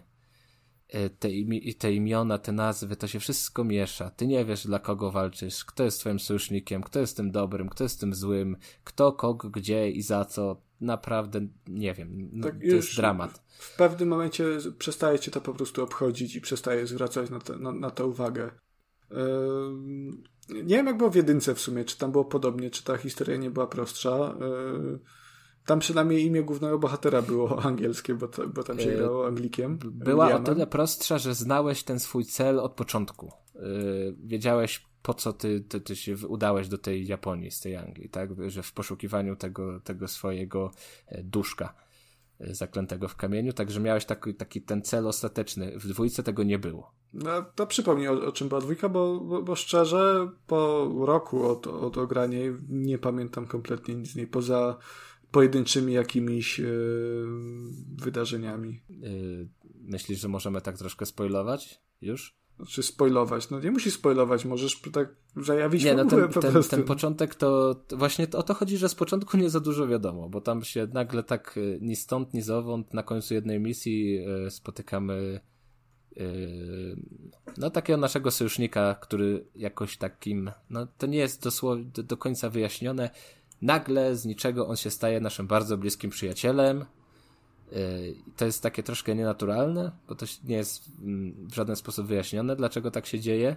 I później gdzieś się w, w, no, w ten wir wydarzeń, e, walk mm, w Japonii, e, tych, to są chyba dynastie, tak? Oni tam mieli. Tak, mi się wydaje, nie, to chyba rody bardziej, bo... Rody, no, no, dynastii, tak, no tam się ja, dzieje Ja nie chcę się opowiadać, bo teraz Kacper mnie zgani, że gówno wiem o kulturze japońskiej. No ale tutaj mamy specjalistę, to może być coś tam ten. No, nie mam pojęcia skąd mam to wiedzieć. Ja tylko chińskie bajki oglądam. Nic cię nie uczył, byś się poczytał. A e, może ten... to są, może to są klany? Nie, to nie są klany. No ale wiemy, no te poszczególne te frakcje, prawda? To, to, te rody tam się przepych, przepychają się na mapie Japonii i my jesteśmy po prostu tego częścią. Mm, staramy się pokonać, pokonać tych złych. Zawsze trzeba pokonać na końcu tych złych, tych, którzy chcą y, y, jak najwięcej szkody wyrządzić. No ja całej, myślę, całej że najbardziej Japonii. trafnym określeniem było po prostu klan. Albo ród, nie wiem, no wiadomo o co chodzi. Wiadomo o co chodzi. Myślę, że myślę, że każdy, y, każdy wie o co tam mniej więcej chodziło. Podstawową różnicą jest taką, jeśli chodzi o tą fabułę, że E, w jedynce byliśmy po prostu tym Anglikiem, Williamem, który przybył jako obcy do Japonii i według te, wokół tego się wszystko kręciło. W dwójce jesteśmy gościem, tak naprawdę, który jest yokai, tylko tym, e, tym demonem, tylko tą dobrą wersją tego mm, demona. Pół, pół yokai, pół tak... yokai też. Raczej, bo jesteśmy hybrydą człowieka i, i czyli e, tego japońskiego demona, jak, jak, jak mówiłeś. Tak, tak, tak. E, więc to jest taka podstawowa różnica.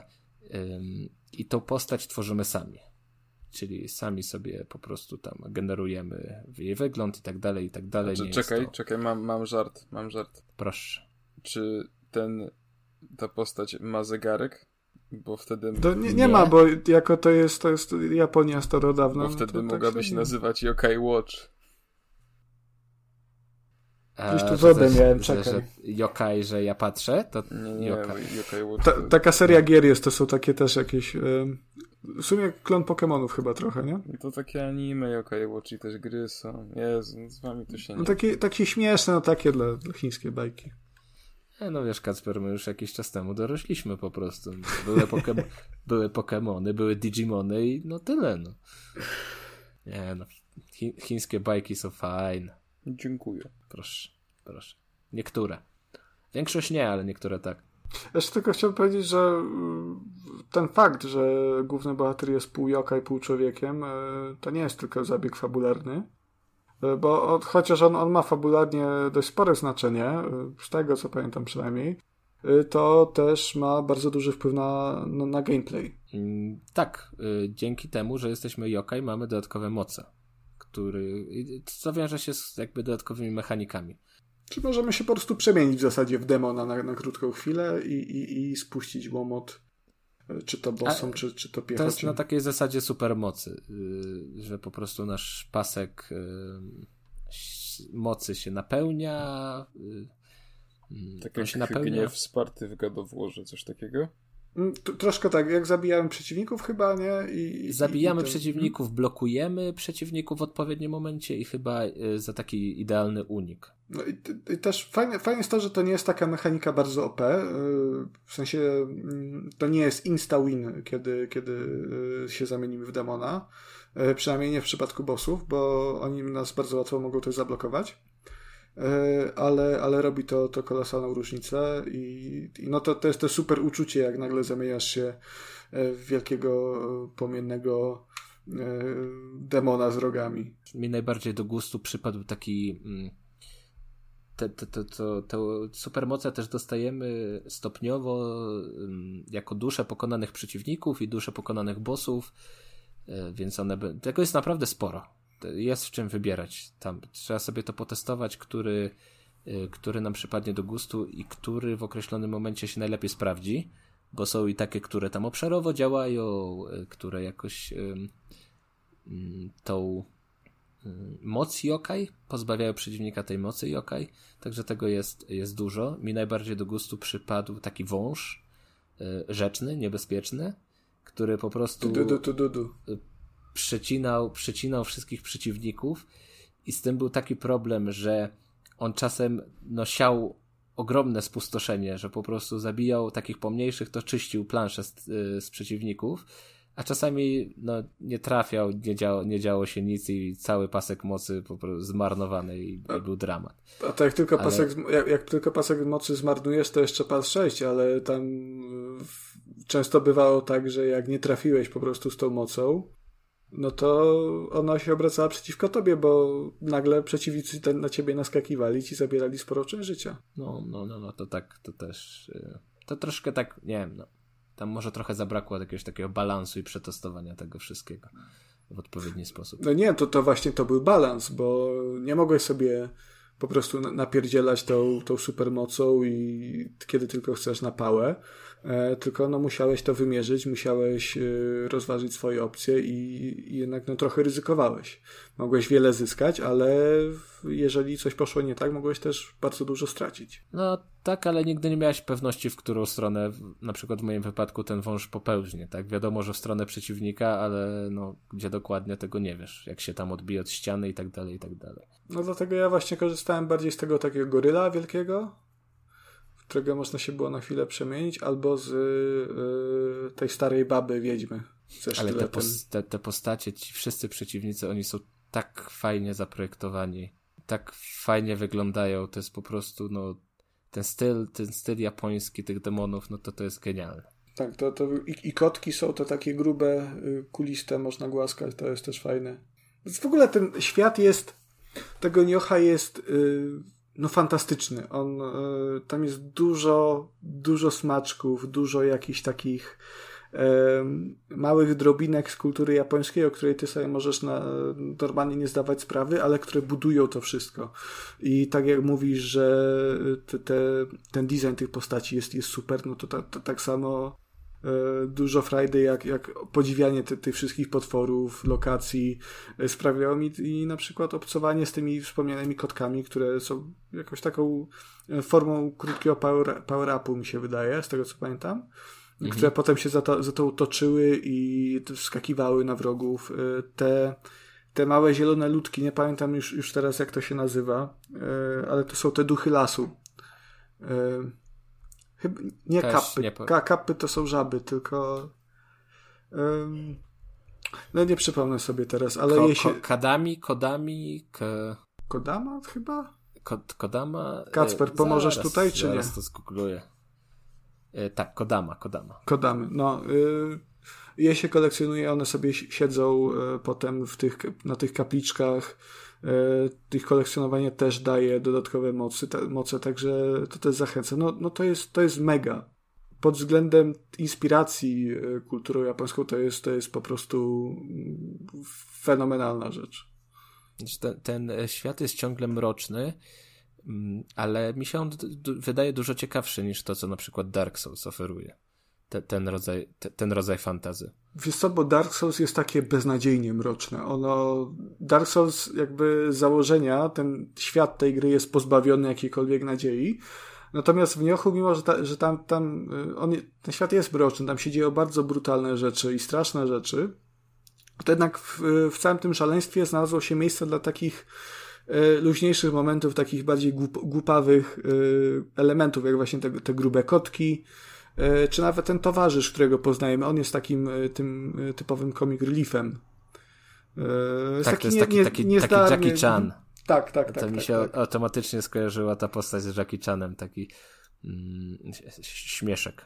No i, i to, to rozbija te, ten, ten klimat mroczności, y, dzięki czemu ten świat koniec końców wydaje się yy, mroczniejszy, no bo masz ten kontrast, nie? Ja tam nie wiem, z tego co ja widziałem, to według mnie ten nioch jest bardzo ładny i mm, samą taką oprawą to, to uważam, że Dark Soulsy są mroczniejsze. Mroczniejsze, ale też może nudniejsze przez to. Bardziej monotematyczne, tak bym to nazwał. Czy mi się no. wydaje, że w przypadku gier właśnie soulsowych to tak czy siak one zawsze trochę, w sensie no to nie będzie przedstawiało świetnej e, historii tak naprawdę. Takie Dark Soulsy to, to co wcześniej mówił Konrad, żeby mm, tym światem się zajawić, to musisz po prostu przeczytać tysiąc stron lore. Przecież z tego wszystkiego można by było zrobić Biblię Dark Soulsową tak naprawdę. Ale, ale to jest, to jest w problem. jest całkowicie inaczej. E, tam masz wszystko wyjaśnione, tylko musisz się skupić na tym po prostu. I musisz ch chcieć to śledzić e, w trakcie rozgrywki, bo te wątki fabularne są wtrącane e, przed misją i po misji. W moim przypadku, ja, no nie wiem, do każdego z bossów musiałem mieć kilkanaście podejść i po wygranej walce byłem autentycznie zbyt, zbyt podniecony i zbyt zmęczony, żeby móc się skupić teraz na tym, kto kogo gdzie na mapie Japonii podbija. To, to, to, te, wiesz, imiona, które brzmią podobnie, e, postacie, które wyglądają jakoś tak podobnie, e, to się jeszcze też dzieje na, na przestrzeni lat. Yy, jakby duży, mm, no wielu lat, to nie jest tak rok po roku, tylko tam no, no są te odstępy czasowe. Na tym jest po prostu ciężko ciężko nadążyć, ale, ale da się i to się y, zepnie w spójną całość. Mm, tak, bo, bo ten problem z tą enigmatyczną fabułą, on jest y, przede wszystkim charakterystyczny dla Dark Soulsów i tych co, co bardziej klasycznych gier od From Software, ale już na przykład w Sekiro ta fabuła była zdecydowanie bardziej opowiadana wprost. Tak samo było we, we wspomnianym przez Kubę Lords of the Fallen i, i w wielu y, w wielu grach y, Souls-like tak właśnie jest. To, to nie jest tak, że Souls-like y, musi mieć mętną fabułę, musi być w zasadzie o niczym, bez, o ile, o ile nie chcemy siedzieć na, na forach i czytać opisów przedmiotów. Mm, tylko to zależy naprawdę o gry, od, od gry. A już tak, tak pozostając w temacie, skoro ci się, Kuba, skoro ci się tak nie podobał, y, nie chciałbyś może sięgnąć po Sekiro?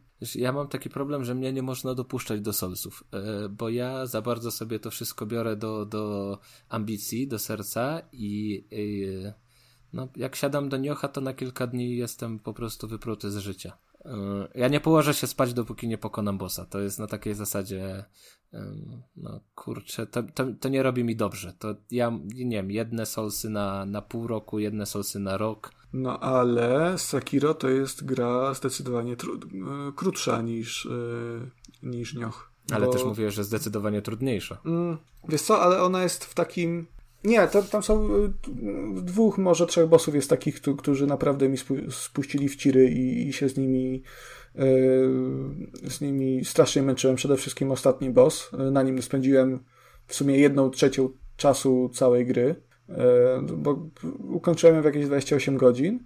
No ale, ale pozostała część to mm, to naprawdę wyrównana walka.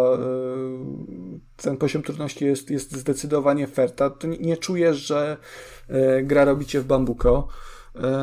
No i przede wszystkim tam jest niesamowity klimat takich, takich tych samurajskich pojedynków e, z niektórymi z bossów. No, no ja od siebie polecam, jeżeli ci się nie, nie podobało ten klimat Japonii, no to myślę, że Sekiro też, e, też będzie czymś dla ciebie. Mm, nie, no ja to mam Sekiro na swojej liście, liście życzeń. O, nawet było w promocji na Steam chyba w zeszłym tygodniu i biłem się z myślami, ale stwierdziłem, że jest jeszcze za wcześnie. Po co jak ci zaraz zamkną Steam i tak? No, no to muszę, trzeba się śpieszyć muszę właśnie. kupić i naściągać, wiesz. Także, także kiedyś może, ale no nie wiem. Dla mnie to jest e, ja się za bardzo angażuję w te, w te gierki. No dobrze, to już chyba wszystko w piątym już odcinku Trójka Podcast. Panie, czekaj pan, bo jak pan już chce skończyć, to ja tylko chciałem jeszcze y, pozdrowić kogoś. A, bardzo, bardzo proszę, zapomniałem. Będzie, będzie pozdrowienie fraszką, piosenką. Na naszym Discordzie napisałem, że będziesz jodłował i że, że, że jeżeli ktoś chce zamówić pozdrowienia, to, to je wyjodłujesz ale niestety nikt się nie zgłosił. E, wiesz co, mógłbym zajodłować, natomiast no, e, nie umiem jodłować i e, tak, chociaż śpiewać też nie umiem, to jednak nieumiejętność śpiewania jest, jest troszkę łatwiejsza do ukrycia, czy też bardziej przyswajalna, nawet jak to słychać, niż nieumiejętność jodłowania, więc w przypadku tej osoby, którą chcę pozdrowić, to nie, nie zamierzam psuć tych pozdrowień, bo chciałbym pozdrowić y, moją narzeczoną Madzie, która to słucha. I ślę całuski. To, to my, smok, smok. To my też mm. pozdrawiamy. Smok, smok. Smok, smok. A jak jesteśmy przy pozdrowieniach, to ja jeszcze chciałbym y, się podzielić taką, taką, tak, taką, taką nowinką, że nie wiem, czy nasi słuchacze są sobie w stanie to wyobrazić, ale w ostatnim epizodzie y, podcastu rozmawialiśmy o Ring Fit Adventure i no, Kacper posiada, ja posiadam, Konrad wtedy jeszcze nie posiadał i jedna z fanek, gdy o tym usłyszała, postanowiła Konradowi tego, tego Ringfita sprezentować. No to nie była jedna z fanek, to była właśnie moja narzeczona. No, to też fanka, no, mam nadzieję. Wszystko, wszystko musisz zepsuć, to, to, to, no wygadać musisz wszystko, tak? No żeście nagadali, no dziewczyna sobie wzięła e, do, do serca, i że, że nie chce już mieć grubasa takiego jak ja, tylko by się, może jakbym sobie tak, nie wiem, bicka se zrobił czy coś, no to by było fajnie. No i, no i teraz muszę ćwiczyć, no. Ale bardzo przyjemnie się ćwiczy, bardzo fajna gra. Wiesz, Kacper, mi się wydaje, że to mogło być na takiej zasadzie, że, że Magda po prostu zobaczyła gdzieś tam nasze profilówki i tak sobie patrzy, fajnie wyglądają, kurczę, to pewnie, to pewnie dzięki temu, temu ringfitowi, może ja swojemu też bym takiego kupiła, może też by trochę lepiej wyglądał. No i się, no i się skusiła. No. E, I w tym miejscu e, jeszcze chciałbym podziękować e, Dawidowi, który wykonał okładkę do ostatniego odcinka. Bardzo, bardzo piękną zresztą. No, także, także, także dziękujemy, naprawdę była świetna i, i doceniamy. Świetna, doceniamy świetna pracę. robota, naprawdę, także ja też również bardzo dziękuję. Jeszcze smok, nie smok. pamiętam, czy podziękowaliśmy, czy podziękowaliśmy y, studiu Iron Gate, które podesłało nam klucze do Valheim. Też dziękujemy. Tak, te, także też dziękujemy. Kasper mógłbyś smoknąć tam dla studia, e, dla studia Iron Gate? To taki mokry był cały straszny. taki babciny. I że, że no. po mikrofonie, po mikrofonie ścieka, tak. To dobrze, to, to profesjonalny, biznesowy całus. To ja, ja chciałem jeszcze podziękować Konradowi Nodze za to, że pojawił się dzisiaj. Przyjemność po mojej stronie przecież. Dziękuję. I chciałem podziękować jeszcze Kubie Smolakowi, że się pojawił dzisiaj. Dziękuję, dziękuję, że wytrwaliście do końca. E, I dziękuję też sobie, że się pojawiłem dzisiaj. Dzisiaj nawet ja, ja sobie dam trzy buziaki. My też Ci dziękujemy. Tak, ja jeszcze bym tylko chciał się dopytać, czy to był całus y, w czółko, w policzek, bo ja sobie to muszę zwizualizować jeszcze, inaczej nie zasnę. Powiem po nagraniu. A w co se za zamarzysz? Wybierz sobie. tylko, Kuba, bez przesady. Nie no, ręce na kołdrę, wiadomo, wiadomo. Dobrze, może... Dobra, kończymy. Trzymajcie się. Ara, ara, sayonara!